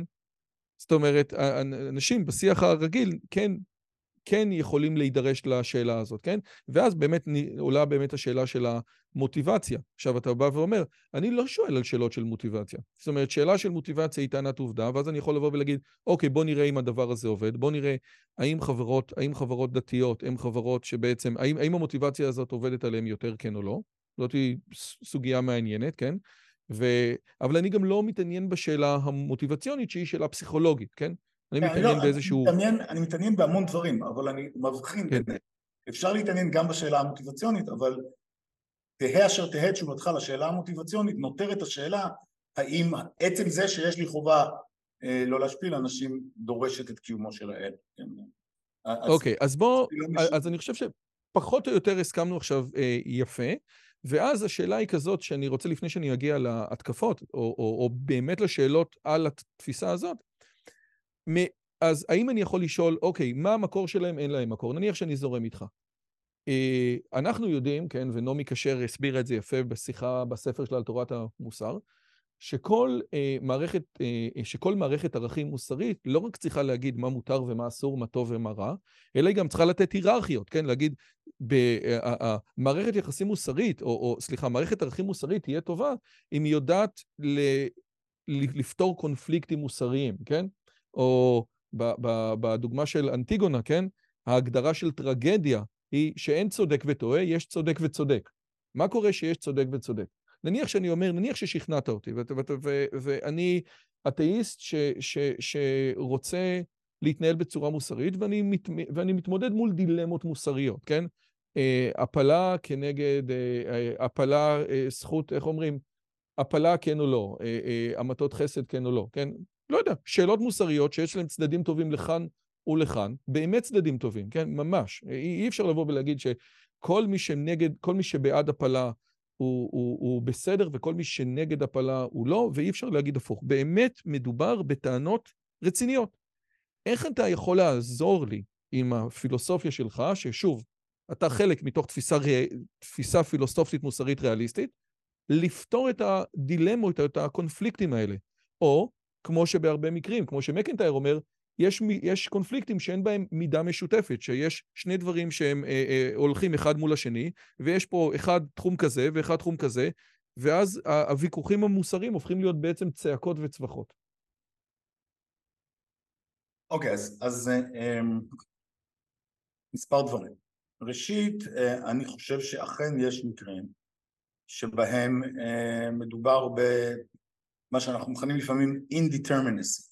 כלומר, תחשוב נאמר על שאלה, נאמר שאתה משווה מלחינים ואתה שואל איזה מלחין יותר טוב אז לפעמים יש תשובות, נכון? מוצרט יותר טוב ממני, די ברור. אני חושב שגם ברור שבאך יותר טוב ממוצרט, אבל זה שנוי במחלוקת. אולי תשווה... גתה או שילר, גתה או שילר, מי כן, היה המשורר הטוב יותר? אבל אפשר לחשוב שאם אתה משווה נגיד את מוצרט ואת בטהובן, אז התשובה היא לגמרי לא ברורה, לא רק לא ברורה במובן זה שאנחנו לא יודעים, נברר עוד ואז נדע, אלא שההשוואה לא מייצרת שיפוטים שלמים. היא מייצרת שיפוטים חלקיים, בהחלט כל אחד מהם הרבה יותר טוב ממני, אולי אפילו שניהם פחות טובים מבך, אבל יש שם טווח של indeterminacy, שבו אין, אין, אין, הסטנדרטים לא קובעים תשובה. זאת נראית לי עמדה אפשרית, לא מסוכנת כל עוד היא לא רחבה מדי. זאת אומרת, אם תגיד לי שהטווח של ה indeterminacy במוסר הוא כזה שבעצם בכל דיון רציני שאנחנו מנהלים אין תשובה נכונה, זה יהיה מביך. אבל אם תגיד לי שלעיתים זה המצב, אני חושב שאפשר לחיות עם זה גם באופן שמתיישב גם עם ריאליזם וגם עם המוטיבציות לריאליזם. אז זה לפחות חלק, חלק מהסיפור, אינדיטרמינסי כזה. חלק אחר מהסיפור הוא פשוט שאנחנו די טיפשים. אנחנו גרועים בלערוך דיונים כאלה כמו שצריך ואנחנו מושפעים לעיתים קרובות משיקולים לא, משיקולים לא רלוונטיים ואנחנו מושפעים מאוד מהאינטרסים שלנו וממי שבמקרה לידינו ומהמיליה החברתי שלנו, נכון? אז הרבה פעמים יש אמת, אנחנו פשוט מפספסים אותה. שאלת איך, איך אני בתור פילוסוף או בתור ריאליסט יכול לעזור למי שמנהל דיון כזה? אז התשובה היא שאני חושב שאני יכול לעזור לפעמים, אני יכול למשל לערוך הבחנות מדויקות, לנסות להראות שאני עוד לא יודע מה המסקנה, אבל הטיעון הזה לא טוב. כן, כי אתה פילוסוף מה... אנליטי, כי אתה פילוסוף אנליטי, זה מה שאתם עושים. אבל בסופו של אבל, דבר, אבל, מה שאתם אבל, עושים, זה אבל... רק מחדדים את הסכין, בסוף צריך לחתוך משהו. לא, לא, לא, לא, לא, אני... לי יש עמדות מהותיות, שאני תומך אותן בטיעונים, ייתכן שאני טועה, ברור, אבל אה, אה, אני בהחלט חושב ש...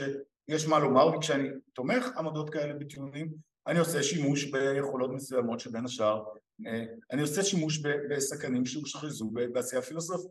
אז זה לא, אני לא חושב שאין לנו מה לומר, אבל אני כן רוצה להעלות גם את הנקודה הבאה. אה, אני חושב שהתשובה המלאה בסוף היא שילוב של הנקודות השונות. הנקודה האחרונה שאני רוצה להגיד כאן זה שזה לא מובן מאליו שצריך להיות לי הרבה מה לומר שיעזור לך כשאתה מנהל דיון אה, מוסרי. למשל, חשוב על פילוסופית של מדע ועל מדענית. הפילוסופית של המדע תוהה על אודות עבודתה של המדענית, מהרהרת עליה ועל תוצריה וכולי. לא מובן מאליו שזה מין uh, uh, דרישה, כן, זה חלק מה, מהתיאור עבודה של הפילוסופית של המדע, שיהיו לה דברים שהמדענית תוכל לעשות בהם שימוש במעבדתה.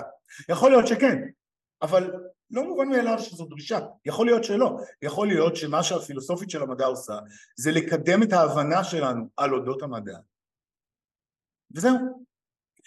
יכול להיות שהמדענית מה שהיא צריכה במעבדתה זה סקילס, יכולות פרקטיות של מדענית ולא בטוח שהדרך הכי טובה לקדם יכולות פרקטיות של, אה, של אה, מדענית זה באמצעות קריאה בפילוסופיה של המדע. אנחנו חושבים את זה בטווח מאוד רחב של, אה, של מקרים.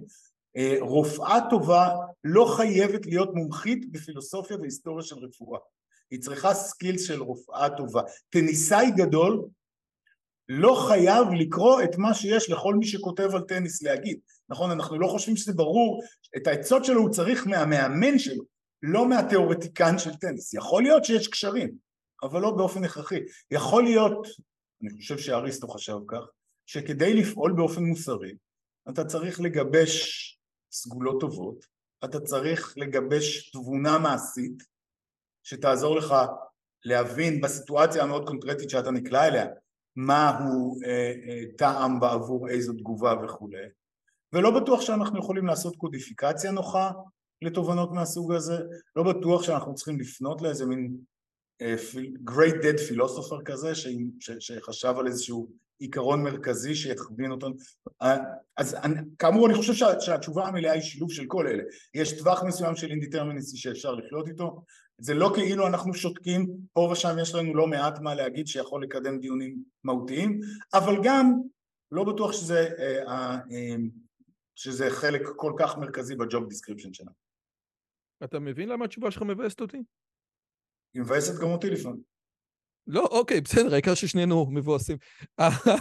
אני לא חושב גם שהשאלה, אה, אה, אני לא חושב שעמדות מטאטיות שונות, כולל כאלה שמניחות את קיומו של האלוהים, נמצאות בעמדה יותר טובה להשיב על השאלה הזאת, אגב. כלומר, במידה שבה התשובה הזאת הורסת לך את מצב הרוח, מצב הרוח שלך היה צריך להיות הרוס מלכתחילה. אין כאן, אין כאן איזשהו משהו נוסף. קודם כל, אני, קודם כל, אני בכוונה לא רציתי להקביל את זה מול זה, זה דבר אחד. בסופו של דבר, אה, זה באמת סוגיה. זאת אומרת, אני, אני כן חושב שיש מקומות שהקודקס של התורה או של ההלכה יודע לתת לנו תשובות לגבי כל מיני, לגבי אה, אה, אה, אה, ערכים שמתנגשים בצורה הרבה יותר סיסטמטית, ככלל, אבל אתה יכול לבוא ולטעון, ואני חושב שאתה תהיה צודק, שבנושאים מסוימים, כן? לא יודע מה, ארץ ישראל, התנחלויות, אה, הר הבית, כן? אנחנו נמצאים בעלטה מוחלטת, כן? אז, אז, אז אני חושב שבהקשר הזה אתה צודק. היה כאן מעבר חשוב.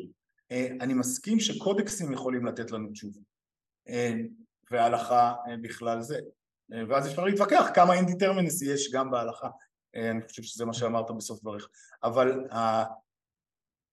הטענה שלי לא הייתה שקודקסים לא יכולים לתת תשובות, אלא ששום עמדה מתאטית אחרת לא נותן תשובות, ואני מקווה שתסכים איתי, שאפילו אם נקנה את המחשבה שאי אפשר אה, מוסר בלי קיומו של אלוהים, מכאן ועד הקודקס ההלכתי עדיין ארוכה הדרך. כלומר, אה, לא, לא, לא, בסדר. לא העמדה המתאטית שנותנת לך את התשובות, זו המחויבות הנוספת שלך לאיזשהו קודקס, אוקיי? קודקסים יודעים לתת תשובות, אפשר לטעות על השאלה האם התשובות האלה הן ראויות. לא, נכון, נכון. אתה, אתה, אתה, אתה צריך לבוא ולהחליט או לחשוב או להאמין, כן? כל אחד בגבולות הגזרה שלו, שבאמת הקודקס הזה מתאר את דבר האל. אבל זאת בכלל השאלה בתיאוקרטיה תמיד. Mm-hmm. עכשיו, לגבי מה שאמרת, זה חשוב מאוד. גם כשאומרים הלכה כבית הלל, כן? לא מתכוונים שבית הלל תמיד צודק ובית שמאי תמיד טועה, מתכוונים שיש פה אין...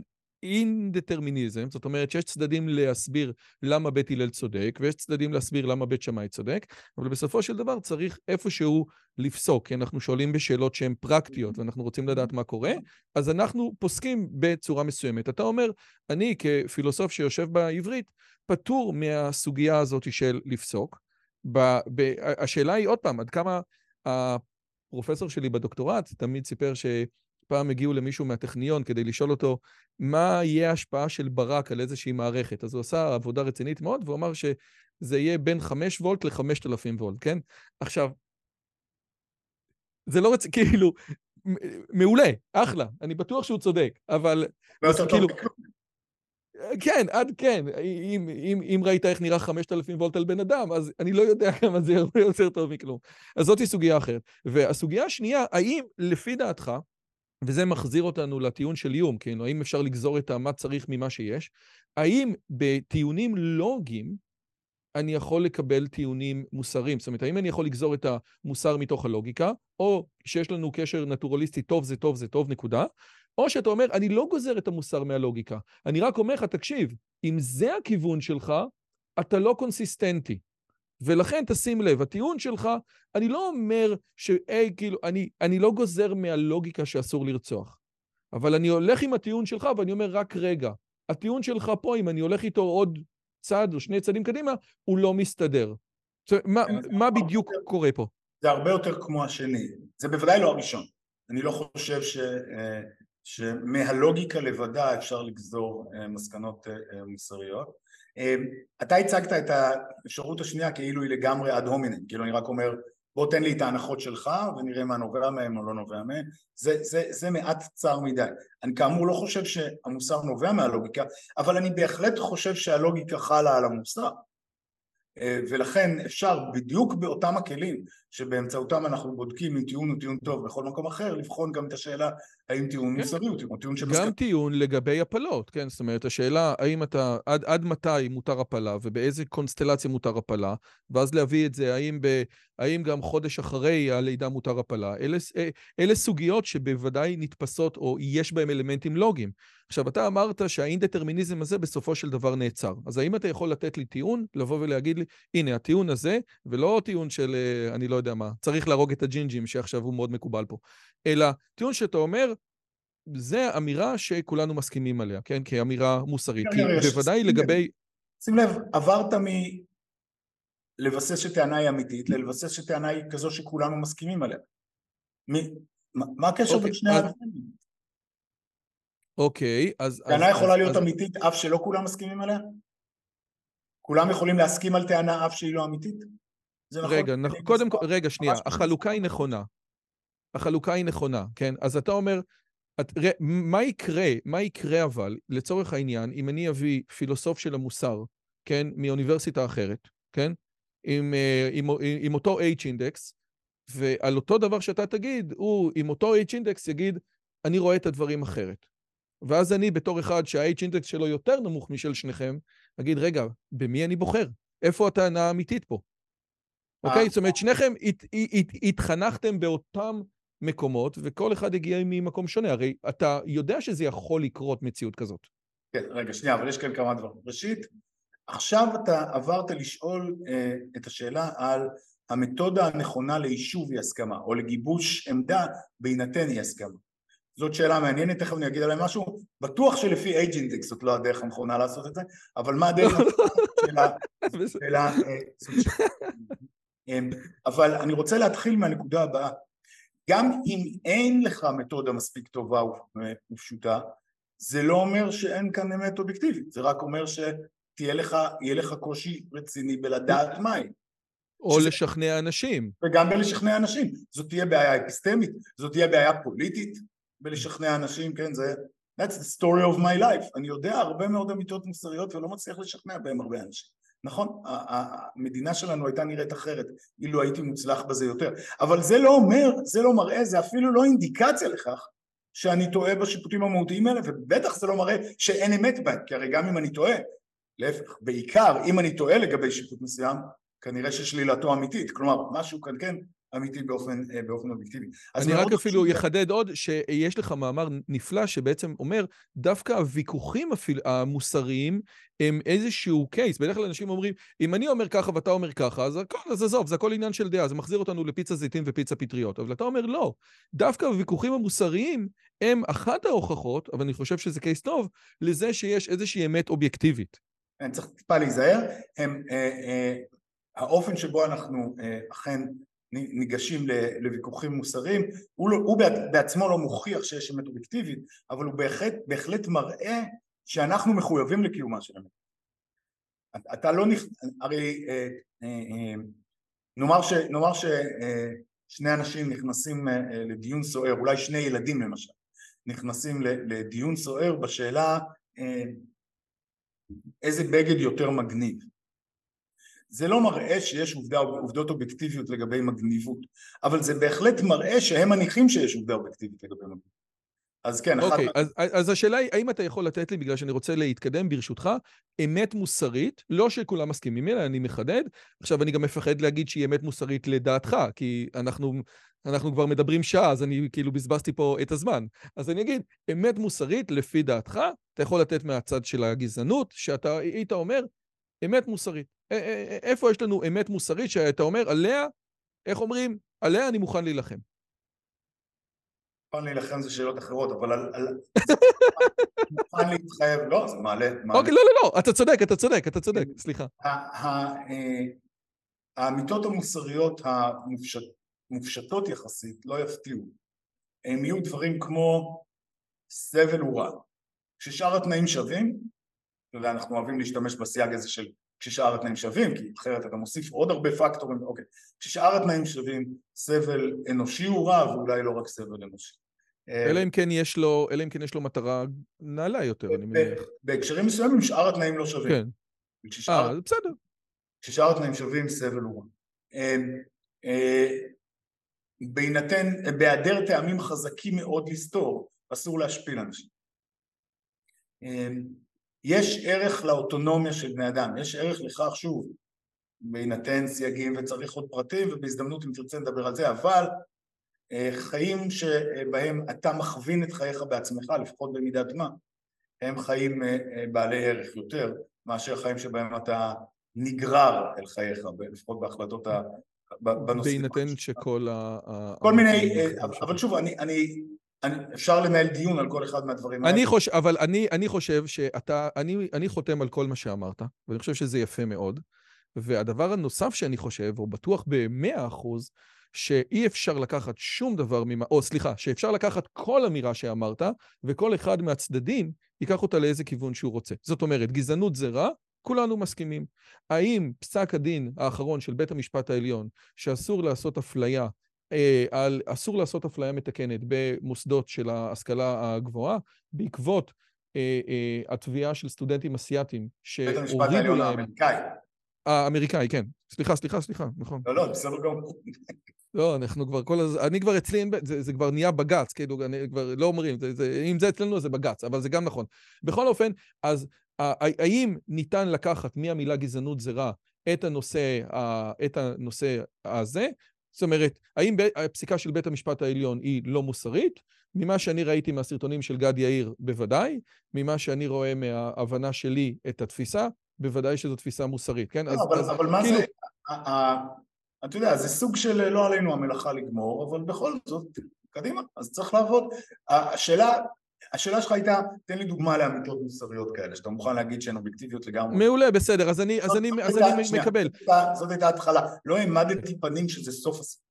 עכשיו צריך לערוך דיונים רציניים וכולי, יכול להיות שלא נמצא את האמיתות היותר קונקרטיות, יכול להיות שנמצא אותן ולא נשכנע את כולם, יכול להיות שבהקשרים מסוימים אין אמיתות יותר קונקרטיות כסיטואציה סיטואציה של אינדיטרמיניסט, יכול להיות שיש אבל באופן שאינו ניתן לקודיפיקציה נוחה, רק מי שפיתח את היכולות הנכונות כמו מוסכניקית טובה, או כמו טניסאי טוב, או מאמן טניס טוב, ידע להגיד אוקיי זאת הדרך ולא זאת. יכולים להיות כאן עוד הרבה מאוד דברים שאפשר להגיד, ולגבי חלק מהנושאים האלה אפילו כתבתי בכל מיני הקשרים. עכשיו, אני רוצה רק לחדד, אני לא תוקף אותך... האם אלה אמיתות מהסוג שאני שמח להכיר בהן כשאני מכריז על היותי ריאליסט מוסר? אני רוצה רגע לחדד משהו, אני לא תוקף את הנושא שלך אל מול הצד הדתי עכשיו, אבל אני בעצם אומר, תקשיב, אתם כבר עובדים מאז מור 120 אה, שנה, כן? עובדים 120 שנה, ניקח את הנקודה הזאת בתור פתיחה. רק את הנדיב איתנו, אנחנו עובדים 2,400 שנה, אבל בסדר, אוקיי. בסדר, לא, נכון, אני, אני, אני, כן, אתה, אתה יודע, אנחנו לא נחזור שכל זה הערות שוליים לאפלטון. אתם עובדים 120 שנה, ואני חושב שמקובל לגמרי, והוגן לגמרי לשאול אותך, האם אחרי 120 שנה אתה יכול לתת לי כלי עבודה יותר רציניים מאשר המשפטים המאוד יפים שאתה אמרת, ואני בספק אם. ואם אתה בספק אם, כן, אני לא רוצה חס וחלילה לפגוע בפרנסה שלך, כן? אבל מה הולך פה? 120 שנה עובדים מאז הפרינציפי האתיקה, תן לי משהו שאפשר לנגוס בו. אוקיי, מספר דברים. דבר אחד, אה, זה שלא נתתי לך הרבה יותר לנגוס בו כרגע, זה לא אומר שאני לא נותן לך עוד דברים לנגוס בו. פשוט לא כרגע. יש, אפשר לדון בכל, פשוט לא בכל בבת אחת.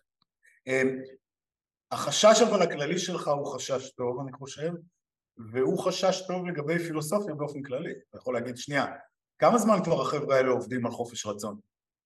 אוקיי, יאללה, תביאו את המסקנות שלכם ונעבור הלאה. האמת היא, האמת היא, הם התחילו, הם התחילו לעשות מהרגע שזה עבר מהמחלקה לפילוסופיה למחלקה למדעי המוח, לפי דעתי הם התחילו, איך אומרים, הם עשו reset על הטיימר, הם מתחילים מחדש. לא, לדעתי הם אה, אה, בסוגיות העמוקות ביותר לא קידמו אותנו אפילו כמלוא הנימה. אה, אבל, אבל זה נושא אחר וגם מעבר לתחומי התמחות. באופן דומה אתה יכול לחשוב בבעיה, הבעיה הפסיכופיזית, קשרים בין גוף לנפש. כמה זמן כבר מדברים על זה? יאללה, תביאו את המסקנות, כאילו מה, אם אני מממן מחקר, אני מצפה לראות תוצאות אחרי כמה זמן. אמ, זאת טענות אני... חזקות מאוד על הפילוסופיה, ואני מקווה שאתה לא הורס לנו פה את הפקולטה לפילוסופיה בעברית, כן? חלילה. זאת באמת טענות חזקות מאוד. כן, אבל, אבל שנייה, הטענות אז, אז יש כאן כמה דברים שאפשר לומר. דבר אחד שאפשר לומר, זה לא גורם לי לאבד ביטחון אפילו כהוא זה כשמדובר אה, בכובעי כמטה-אתיקאי, כי אין כאן שום בעיה מיוחדת לאתיקה או למטה-אתיקה. מצד שני זה כן גורם לי לקצת כאב בכובעי כחבר חוג לפילוסופיה. כן, באופן כללי יותר, אה, כפי שאמרת. אמ, איך תשכנע עכשיו... סטודנטים? איך תשכנע סטודנטים להגיע אליך? אתה יודע שאין בעיה לשכנע סטודנטים. אה, אה, אני נהגתי ללמד, אני לא אלמד בשנה הבאה, קורס חובה בשנה א' שקראו בעיות מרכזיות בפילוסופיה. באולם הגדול בהר הצופים. אבני פינה, אבל זה, זה לא היה דווקא, זה היה אבני פינה, לא? לא, לא, לא, זה גם, זה גם קורס חובה בשנה א', יש כל מיני גרסאות, אבל על כל פנים אתה נכנס מישיבות שמדברים בהם על המשבר במדעי הרוח, הכיתות ריקות, אני נכנס, אולם השלוש מאות מלא, we're, we're doing all right. אה, אה, כדאי שיבואו עוד סטודנטים תמיד, הסיבה שלא צריך אה, יותר מדי להיבהל כאן זה פשוט שפילוסופיה זה נהדר אז זה לא כי אנחנו אנשי מכירות כל כך טובים, זה כי המוצר שלנו הוא מצוין. אז, אז זה רק... נהדר לס... הוא, הוא נהדר לשיחות בדייטים, חבר'ה, אני אומר לכם את זה מניסיון. אני, גם אני, אם... אני אצטרך להאמין לך, אני לא עשיתי את זה כבר אה, תקופה די ארוכה, אבל... אה, אבל ה, ה, אה, מה ש... בכל זאת אפשר לתת תשובה, אני חושב שמורכבת משתי תת-תשובות. תת-תשובה אחת זה לאחוז את השור בקרניו ולומר, כן, יש לנו ידע שצברנו בזמן הזה והנה הוא. ואני חושב שיש לנו כל מיני דברים כאלה, למשל שטיעונים מסוימים נכשלים, למשל שיכול להיות שהידע לא יהיה כל הידע שאתה רוצה, אבל אני כן חושב שהתקדמנו, כן, בהבנת הבעיה עם חופש רצון, התקדמנו מאוד מעבר למה שידענו לא רק לפני 2400 שנה, אלא גם לפני 80 שנה באופנים האלה והאלה והאלה. אנחנו יודעים כבר שקו המחשבה הזה לא עובד, אנחנו יודעים שהאתגר הרציני הוא שם ולא שם, יש דברים שאפשר לומר, צריך להיכנס יותר לפרטים בשביל לומר אותם, זה דבר אחד. הדבר, אבל אני לא רוצה להעמיד פנים שזהו, כלומר אני חושב שמהנדס טוב או חוקרת בפיזיקה ידעו להצביע על progress יותר משמעותי בתחומים שלהם. הדבר הנוסף שאפשר לעשות... זה יותר מועיל לחברה, בסופו של דבר אנחנו עובדים פה עם זום, כי... לעיתים קרובות מועיל, לעיתים גם מזיק, אפשר, אפשר לדבר על כל מיני דברים כאלה. אמ, אבל הדבר הנוסף שצריך לעשות זה לעשות קצת מטה-פילוסופיה, כלומר לדבר על הפילוסופיה מלמעלה, ולשאול האם זה, האם בעצם הציפייה שהפילוסופיה תספק את תוצרי המחקר שלה תוך זמן סביר וכולי, האם הציפייה הזאת היא ציפייה סבירה, האם הערך של פילוסופיה תלוי ביכולת שלה לספק תשובות קונקלוסיביות ועוד אולי אפילו קונצנזואליות או שיש לה ערך מסוג אחר שאולי הוא תכלית כשלעצמו ולא צריך לחפש לו תכלית אחרת למשל. אז... אני חייב להודות רק שרשמית זה, זאת התשובה שלי, מורכבת משתי תתי התשובות האלה ולא רשמית לפעמים אני תוהה בעצמי לגבי החצי השני עד כמה הוא מסביר את זה. אז באמת הטענה, אתה יודע, כשאני שואל שאלות לגבי הריאליזם המוסרי, ונניח אני תופס את הריאליזם המוסרי, נניח, איך אומרים, שכנעת אותי לגמרי.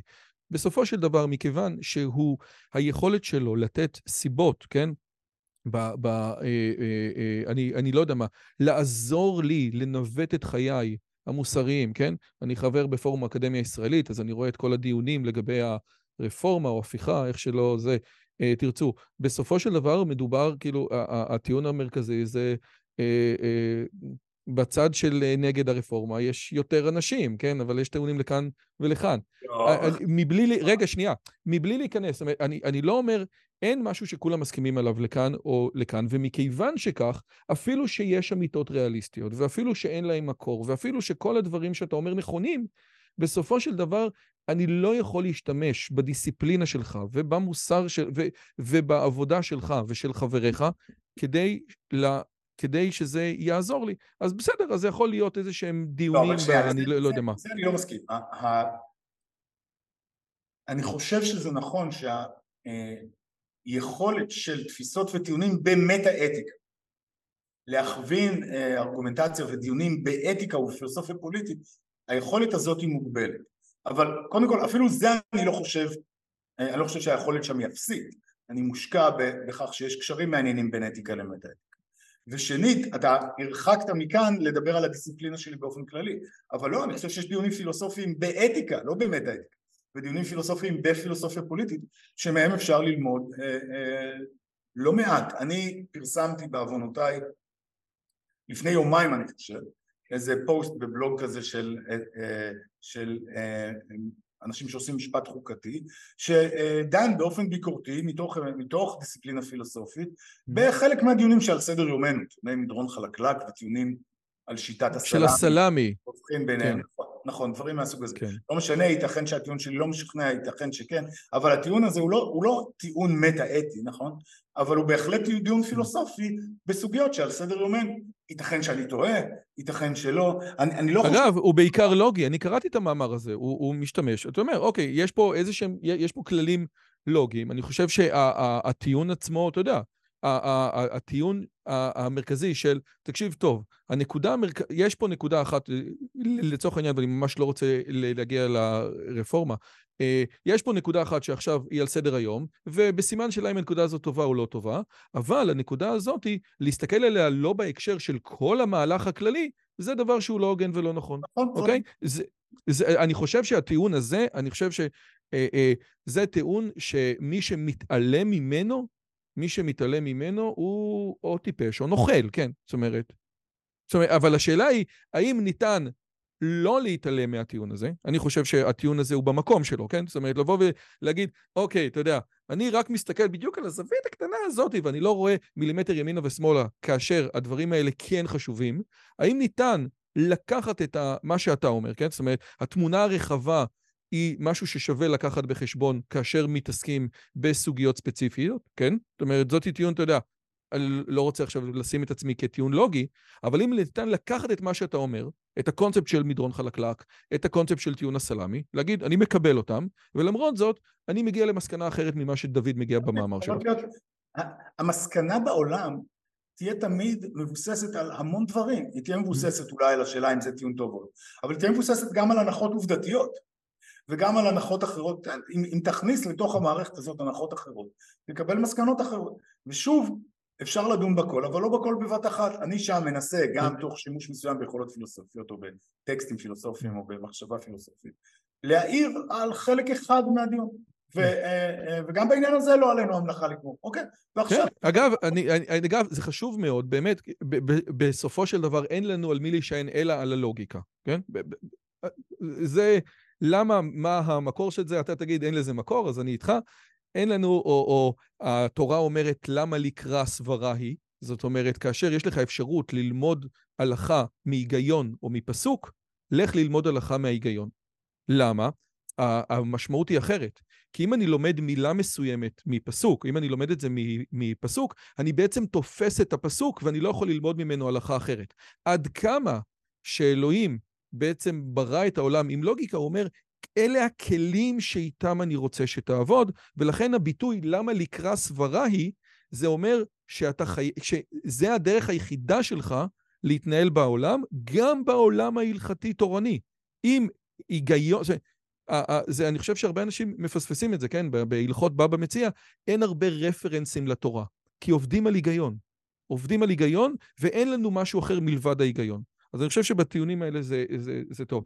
אה, אה, אה, אפשר להגיד שהתנגדות נוספת, ושוב, אני לא מציג את ההתנגדות שלי אליך כמול תפיסה דתית, אלא באמת התנגדות מופיע בספר של מקנטייר, מעבר למידה הטובה, והוא אומר את הדבר הבא. בסופו של דבר, וגם אתה נגעת בזה, כן? התפיסה המוסרית, כן, שאנחנו תופ, תופסים כתפיסה דתית, זה שייך ליהדות, לנצרות, לאנשים במקומות שונים תופסים את הדברים אחרת לגמרי, והוא אפילו עושה ניתוח אטימולוגי, כן, של המילה מורל, מוסרי, אוקיי? אנחנו כה רגילים לסווג שיפוטים, טיעונים ומעשים במונחים מוסריים, עד שאנחנו שוכחים עד כמה חדש יחסית היה מושג המוסר בתרבות הנאורות. הביאו בחשבון עובדה מרשימה אחת. השפה הראשונה של שיח המשכילים בתרבות הנאורות לא הייתה עוד לטינית, אך הלטינית נותרה שפת הלמדנות השנייה.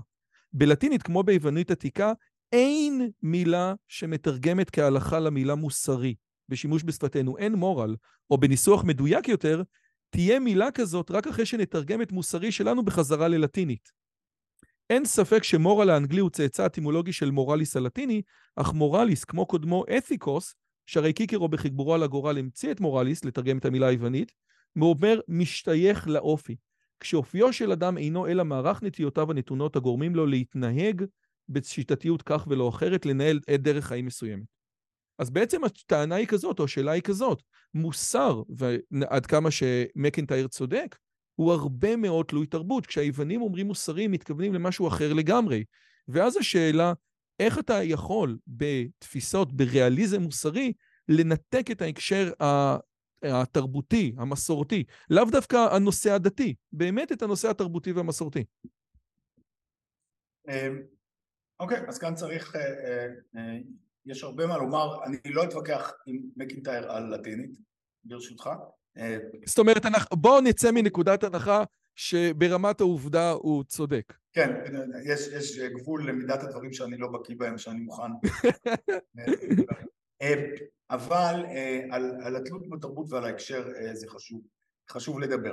אני חושב שמה שהריאליסטית צריכה לעשות, אבל מה שבעצם כל אדם סביר צריך לעשות, זה להבחין בין המובנים, המובנים השפירים של תלות בתרבות לבין המובנים הבעייתיים שנוגדים את הריאליזם הזה, אולי רלטיביסטים. אני לא חושב שמישהו יכול ברצינות להכחיש את זה שלעיתים קרובות עובדות מוסריות הן תלויות הקשר, כולל הקשר תרבותי. אני אתן לך רגע דוגמא. אני חושב שהעיקרון שאומר שאסור להשפיל אנשים הוא עיקרון אוניברסלי לחלוטין. לא במובן זה שכולם מקבלים אותו, אלא במובן זה שראוי שכולם יקבלו. כן, הוא עיקרון, הוא עיקרון שאמיתותו אינה תלויה בדבר. אבל השאלה מה עולה כדי השפלה זאת שאלה שהיא מאוד מאוד תלוית הקשר תרבותי. נכון, אפשר לתת, אפשר לתת לכך דוגמאות רבות, הנה דוגמה שאני אוהב, יריקה לכיוונו של מישהו. בתרבויות רבות זה אקט משפיל. בהקשרים שבהם זה אקט משפיל, הכלל האוניברסלי שאוסר על השפלות אוסר גם על זה. אבל אם אתה שחקן בייסבול איכשהו נוצר האתוס שיריקות זה חלק אינטגרלי מהמשחק. ממילא אין שום מטען משפיל ליריקה. וממילא אין שום בעיה, ב, ב, לפחות לא, אולי יש בעיה אסתטית, אבל אין שום בעיה מוסרית סביב האיסור על השפלה שרלוונטי לאיסור על לירוק במשחק בייסבול. אז ברור לגמרי שהמוסר אה, אה, רגיש להקשרים תרבותיים באופן הזה, אבל שים לב לאופן המדויק שבו הוא רגיש לפי התיאור הזה. באופן שבו אני תיארתי, יש עיקרון אחד שלא תלוי תרבות בכלל, זה העיקרון אה, שאוסר על השפלה, ואיך לפרוט אותו לציוויים יותר קונקרטיים זה תלוי בהקשר התרבותי כי מה עולה כדי, כדי אה, השפלה הוא כמובן אה, תלוי, תלוי הקשר זה מה שאני חושב, זאת התמונה שאני הייתי מצייר באופן כללי יותר, דרך טבעית לחשוב על זה היא הדרך הבאה. העקרונות המוסריים, המוסריים הבסיסיים ביותר תוקפם אינו תלוי תרבות בשום צורה בכלל. אבל מה עולה מהם למקרים ספציפיים זה יהיה תלוי תרבות כמעט תמיד באופנים אה, מורכבים. לו, ולו יצויר שהייתי אומר לך, תקשיב, אני לא בעצם, לא כל כך מבין את מה שאתה אומר, אני אסביר למה. כי בעצם אתה אומר, תקשיב, אסור לזלזל במארח שלך, בבריטניה, אם תעשה גרפס בסוף הארוחה זה לא בסדר, ובתרבויות ערב זה כן בסדר. כן, אז הנה, הנה, אז הנה, בסדר, לקחנו את איזשהו עיקרון שזה בגדול, אם אני מבין נכון, מדוגמת היריקה, זה מה שקורה פה. אני חייב לציין, אני לא בטוח שאתה מדייק בסטריאוטיפ הזה, אבל לא משנה, אוקיי. לא, איך, תקשיב, אני ניזון מה... הספרות. וזה מה שכתוב בספרות, ואתה יודע את זה.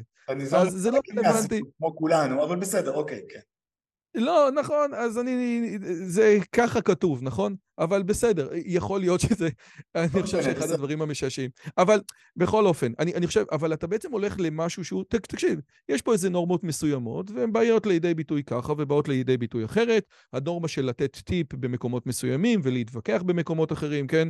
הנה, אם אתה רוצה ספרות, אז... אה, אה, ש... שג'רום כג'רום כותבת שלושה בסיר אחת, אז הוא מדבר על, ה... על ה... הדבר האיום ונורא שמנסים להתווכח עם, אה, עם מוכר בחנות גרמנית, כן? איזה דבר איום ונורא, לעומת מקומות אחרים, כן? אבל עושה רושם שמקנטייר מדבר פה על משהו אחר.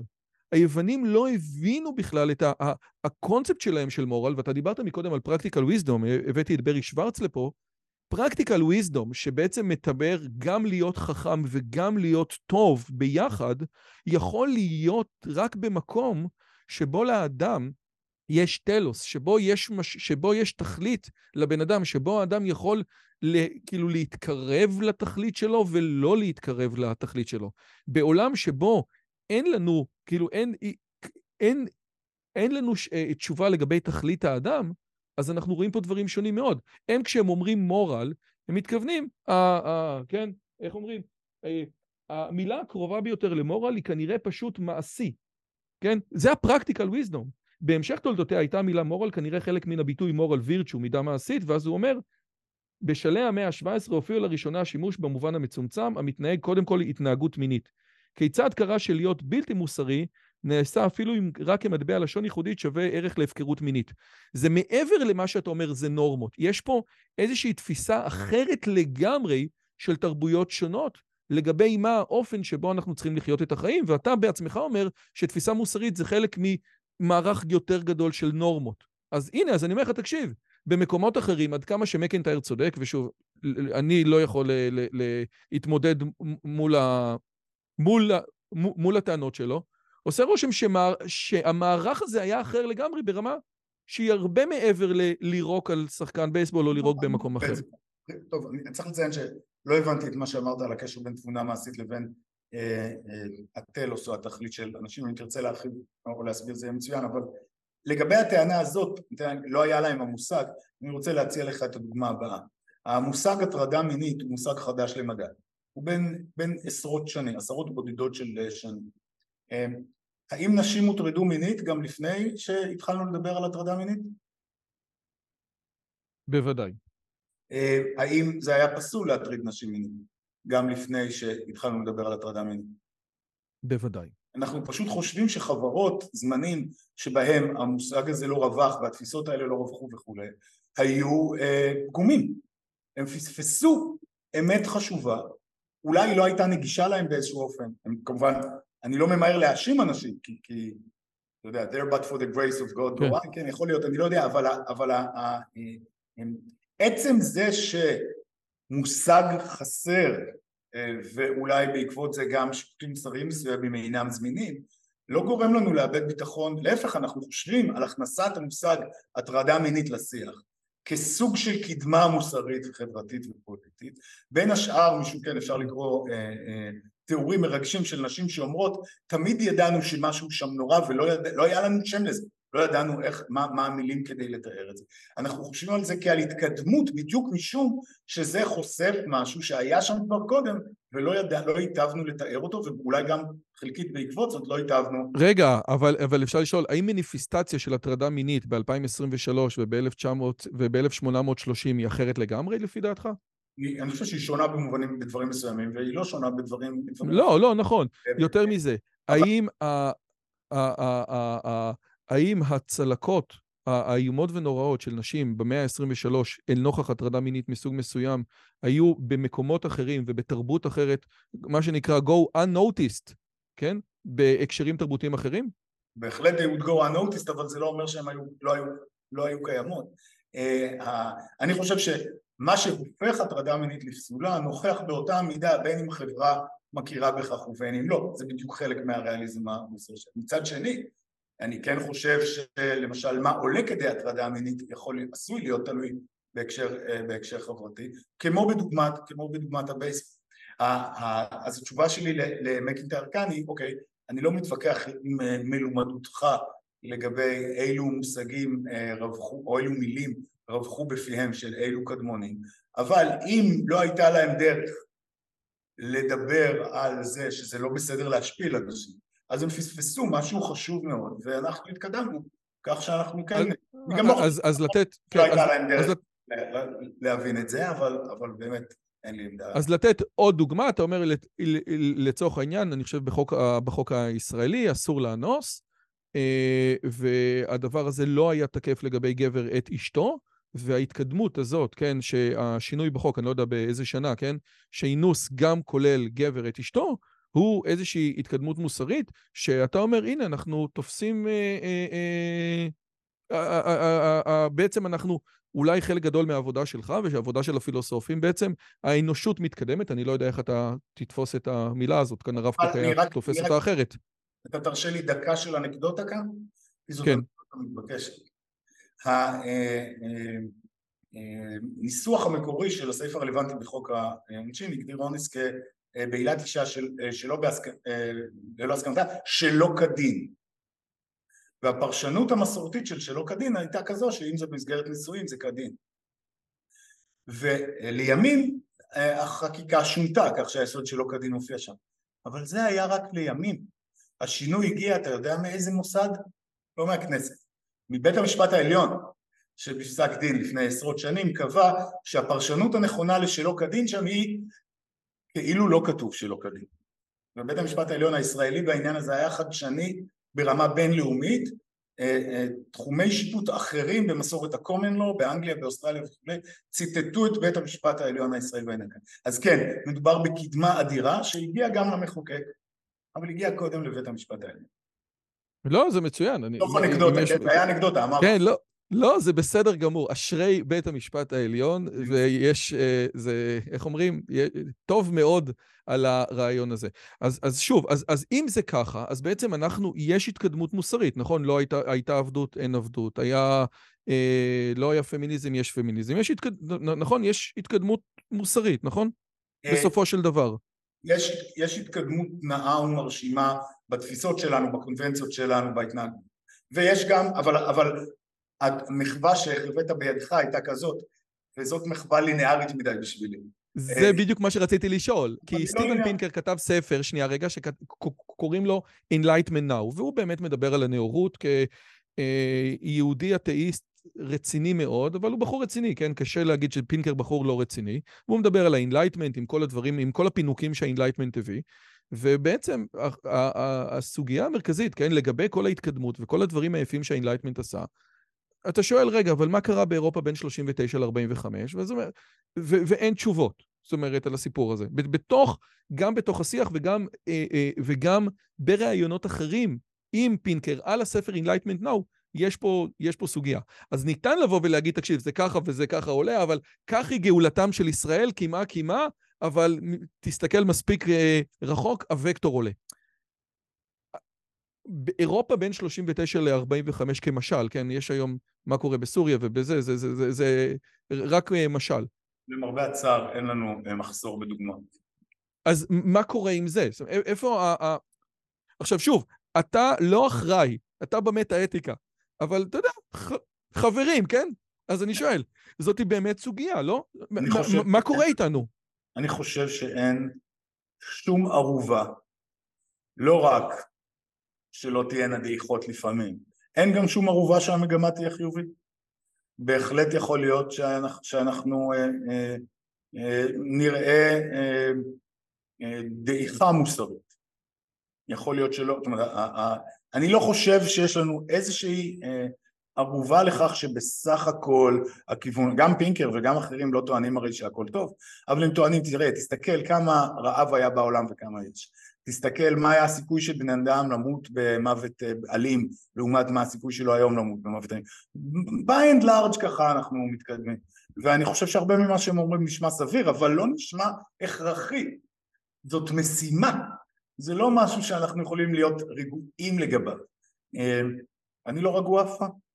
אגב, השאלה, לפי דעתך האישית, סליחה שאני אומר את זה, ההפיכה של בית המשפט העליון בארצות הברית, של רו ורסס וייד, לגבי זה שנושא ההפלות הוא לא שאלה חוקתית וכל, בית, וכל מדינה תחליט לעצמה, האם מבחינתך זאת דוגמה ל, ל, ל, לדגרדציה אה, אה, מוסרית של בית המשפט העליון, או שאתה לא רואה את זה ככה?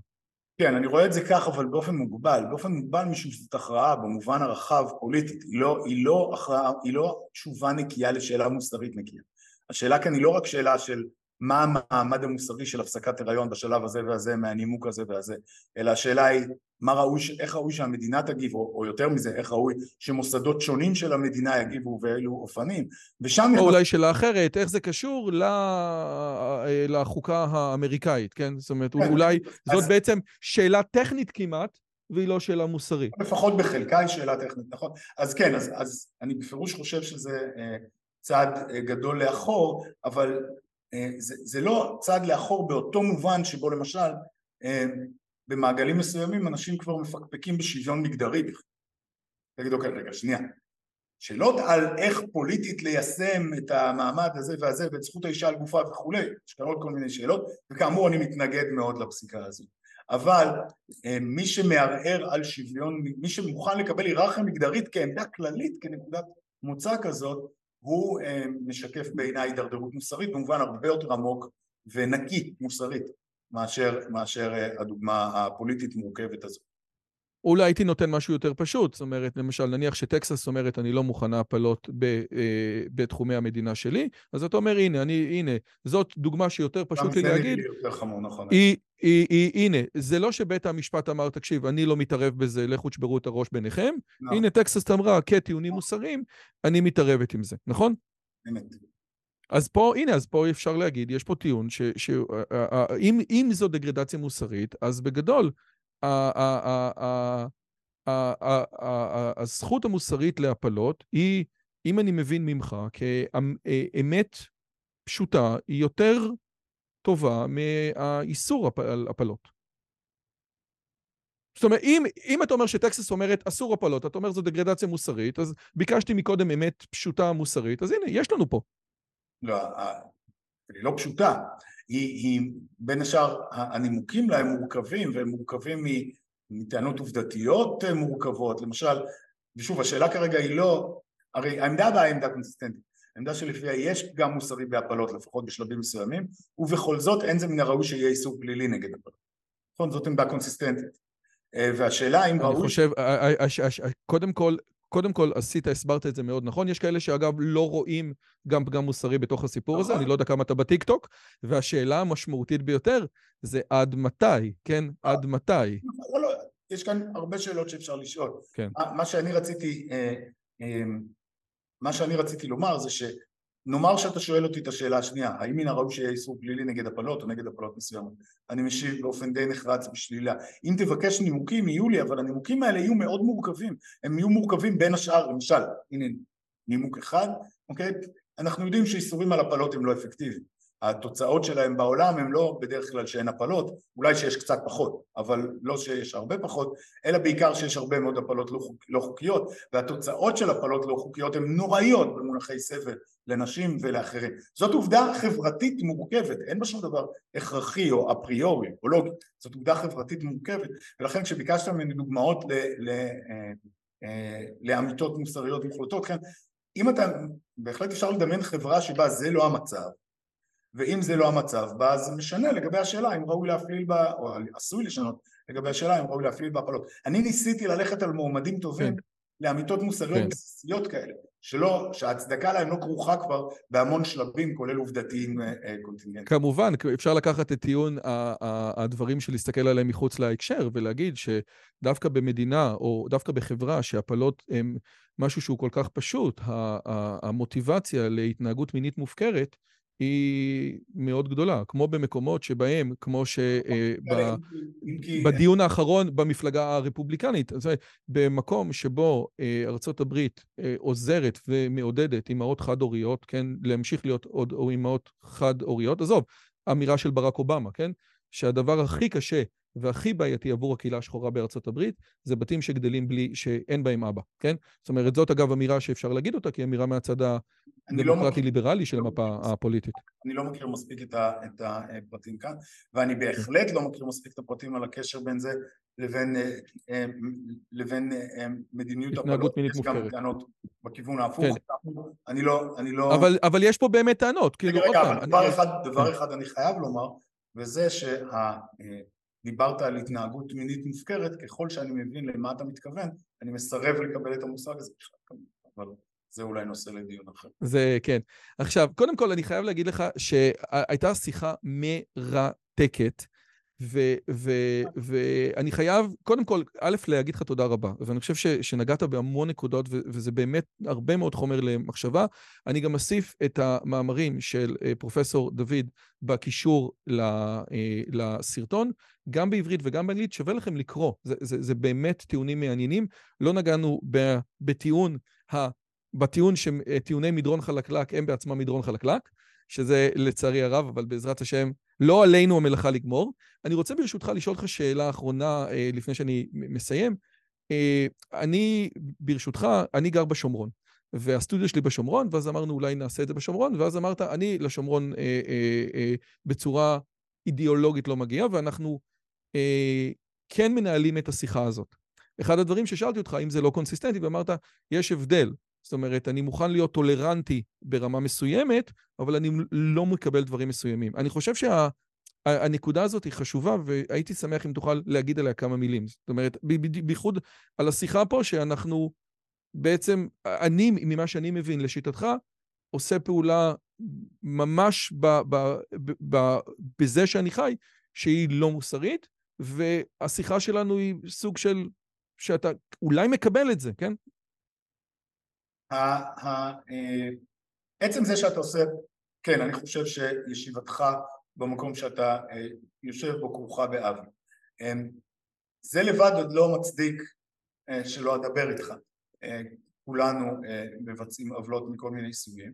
אמ, דיברת על, ואגב אני לא מסרב להגיע לשומרון, אני מסרב להגיע לשומרון אלא, אני אשמח להגיע לשומרון כדי לדבר על מפעל ההתנחלויות אבל, אבל רק, כן, אני מסרב להגיע לשומרון ולהעמיד פנים שלא הגעתי לשומרון ולדבר על דברים אחרים כאילו, כאילו אנחנו לא שם. אמ, אני לא חושב שיש חוסר קונסיסטנטיות, אני אתן לך רגע אה, דוגמה אה, כללית יותר. יש סוג של פשרה פרגמטית, אבל לא כל פשרה oh. פרגמטית היא חוסר קונסיסטנטיות. אמ, אני אה, מסרב ליטול חלק בכיבוש. אז אני למשל לא סירבתי לשרת בשטחים הכבושים. אה, אני לא, אני, אני לא אקנה מוצרים שמגיעים מהתנחלויות, כן? אה, דברים מהסוג הזה. אבל כמובן יש כאן מין רצף כזה, נכון? כי אני אולי לא קונה מוצרים שמיוצרים בהתנחלויות, אבל אני יכול להיות שאני קונה משהו ממישהו שקונה דברים מההתנחלויות. או מספיק שאני, גם, גם על המשכורת שלי באוניברסיטה העברית, אני משלם מס הכנסה ואני יודע שאחוז ניכר ממנה ניכר, משמעותי ממנה תומך בכיבוש וכולי. אמ, אתה גם מלמד סטודנטים שכנראה חלקם בהתנחלויות. לא, זה משהו אחר. אני לא יודע על כל העוולות או לא העוולות שסטודנטים שלי מעורבים בהם, ואני לא חוקר כליות ולב. נכון, אני לא תפקידי אה, לבדוק את הדברים האלה, אבל אה, לא, תפקידי לא לבדוק את הדברים האלה, בוודאי לא באופן אה, קבוע. אבל אתה יכול להרחיק עוד יותר ולהגיד, אוקיי, תעבור לארץ אחרת, זה מצוין, אני אעבור לארצות הברית, אבל גם התקציב האמריקאי תומך וכולי, אין דרך להימנע מהדברים האלה, ולכן מה שצריך לעשות זה לא להגיד אוקיי אז בסדר אז אני עובר לגור בשומרון בעצמי אלא מה שצריך לעשות זה לנסות להעביר קווים עמומים לאורך רצף של לתמוך יותר או פחות במפעל שנראה לי, במפעל שנראה לי פסול. אה, זה נכון שאיפה בדיוק להעביר את הקו לא יהיה טיעון פילוסופי טוב שינחה אותנו, זה חוזר לסוגיה של אינדיטרמיניסי, אבל זה לא אומר שאין זה מן הראוי שיש שם איזשהו קו. אה, אז כן, אני חושב שלהגיע להתנחלות כדי לערוך בדיון שהוא יכול להיות בעל ערך כשלעצמו ובלי קשר, כן? זה משהו ש, שלא הייתי, אה, לא הייתי עושה. אה, אבל מצד שני אני אה, מרגיש נוח ואפילו אה, נהנה לשוחח איתך על הדברים האלה באופן הזה. יפה, אז אני חושב שאלה נקודות מעניינות. אני לא היה לי בעיה להגיע לשייח' מונס לעשות דיון, אבל יכול להיות שהעמדות המוסריות שלי הן הרבה יותר פלואידיות. אחד הדבר, שני, שני דברים שאני שואל את האורחים המכובדים שלי תמיד, זה א', האם יש לך ספר שקראת בחמש, עשר שנים האחרונות, ששינה לך איזושהי זווית הסתכלות, לאו דווקא מתוך העולם שלך, אבל גם שאתה אומר, שווה למי שנגיע עד לפה, אם מישהו שהגיע עד לפה והתלהב מהשיחה ורוצה, איך אומרים, לראות את דוד בעולם אחר, איזה ספר קראת בשנים האחרונות שאתה אומר, וואו, הייתי ממליץ אותו לאנשים חושבים? מאמר גם לוקח? יאללה, גם לוקח. אפילו באנגלית ירחם השם. יש אה, אה, תיאורטיקנית פוליטית, נפטרה כבר לפני 30 שנה, בשם אה, ג'ודית שקלר. היא נחשבת מאוד במעגלים מסוימים במדע המדינה, אבל כמעט לא מוכרת בפילוסופיה אנליטית, בסוג הפילוסופיה שאני עושה. היא גם כותבת מאוד אחרת וכולי. ונתקלתי כמעט במקרה בכתיבה מאוד משפיעה שלה. Uh, המאמר שאני מדבר עליו זה, עכשיו זה המאמר The Liberalism of Fear, הליברליזם של הפחד, אני לא חושב שתורגם לעברית. תובנות פוליטיות, פילוסופיות פוליטיות מעניינות, כתיבה שנונה, uh, עמוק, מאוד שווה. יופי, זה דבר אחד, אז איזה יופי. אה, הליברליזם של הפחד, לא הכרתי אותה, אבל זה לא אומר שום דבר, כי אני לא מכיר המון אנשים. והדבר השני... לא אה, והדבר השני, האם אתה יכול לתת, כי הערוץ הזה ביסודו היה ערוץ של פרודקטיביות ו- ו- ולעשות דברים בצורה יעילה יותר, האם כבן אדם שעושה ועובד ו- ומפרסם, האם יש לך טיפ ל- לסטודנטים ולחברי הסגל הצעירים ובכלל אנשים ש... רוצים לדעת לגבי מה שיטות הפרודקטיביות שלך, אם אתה יכול לתת לי טיפ פרודקטיביות שעובד לך. אני חושב שלא, אני יכול להגיד כמובן אילו דברים עובדים לי, אבל אני חושב שמה שגיליתי לאורך השנים זה שזה נורא נורא אידוסינקרטי, מה שעובד בשבילי אין שום ערובה שזה יעבוד בשביל אה, דוקטורנט או דוקטורנטית שמתייעצים איתי, בטח לא באופן אה, כללי יותר, אז אה, אני חושב שכאן, אתה יודע, ברוח ההמלצה הסוקרטית לדעת את עצמך, אני חושב שכאן ההמלצה היא אה, לא לבנות יותר מדי על המלצות כלליות ולראות מה עובד, אה, מה עובד עבורך. לא בטוח שמה שעובד עבורי זה בדיוק הפתרון הנכון כאן. אם אני מבין נכון, זה לא היה טיפ בפרודקטיביות, זה היה טיפ במטה-פרודקטיביות. משהו מהסוג הזה. פרופסור דוד אנוך, אוניברסיטה העברית, תודה רבה רבה על הזמן שהקדשת לנו, זו הייתה שיחה מרתקת. תודה רבה. ביי ביי. מה? כבר נגמר? אל תדאגו, יש עוד המון שיחות. ואם עוד לא נרשמתם, תירשמו לערוץ, תלחצו על הפעמון ותהיו חלק מהקהילה המופלאה שלנו. נתראה בשיחה הבאה.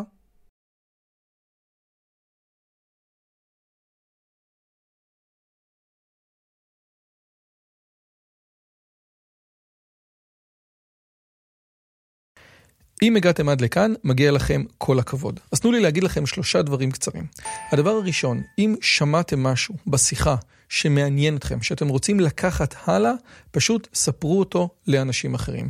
משהו מעניין שאני אמרתי, משהו מעניין שהאורח שלי אמר, איזשהו רעיון שאתם רוצים לקחת איתכם לחיים, פשוט ספרו אותו לחבר או לחברה. זאת הדרך הטובה ביותר לזכור את הרעיונות מתוך השיחות האלה.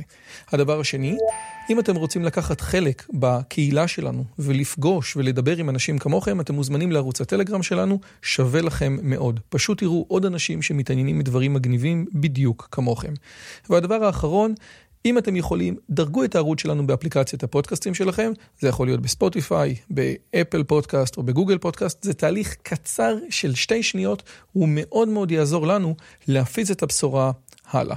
שיהיה לכם כיף גדול וכיף בשיחה הבאה.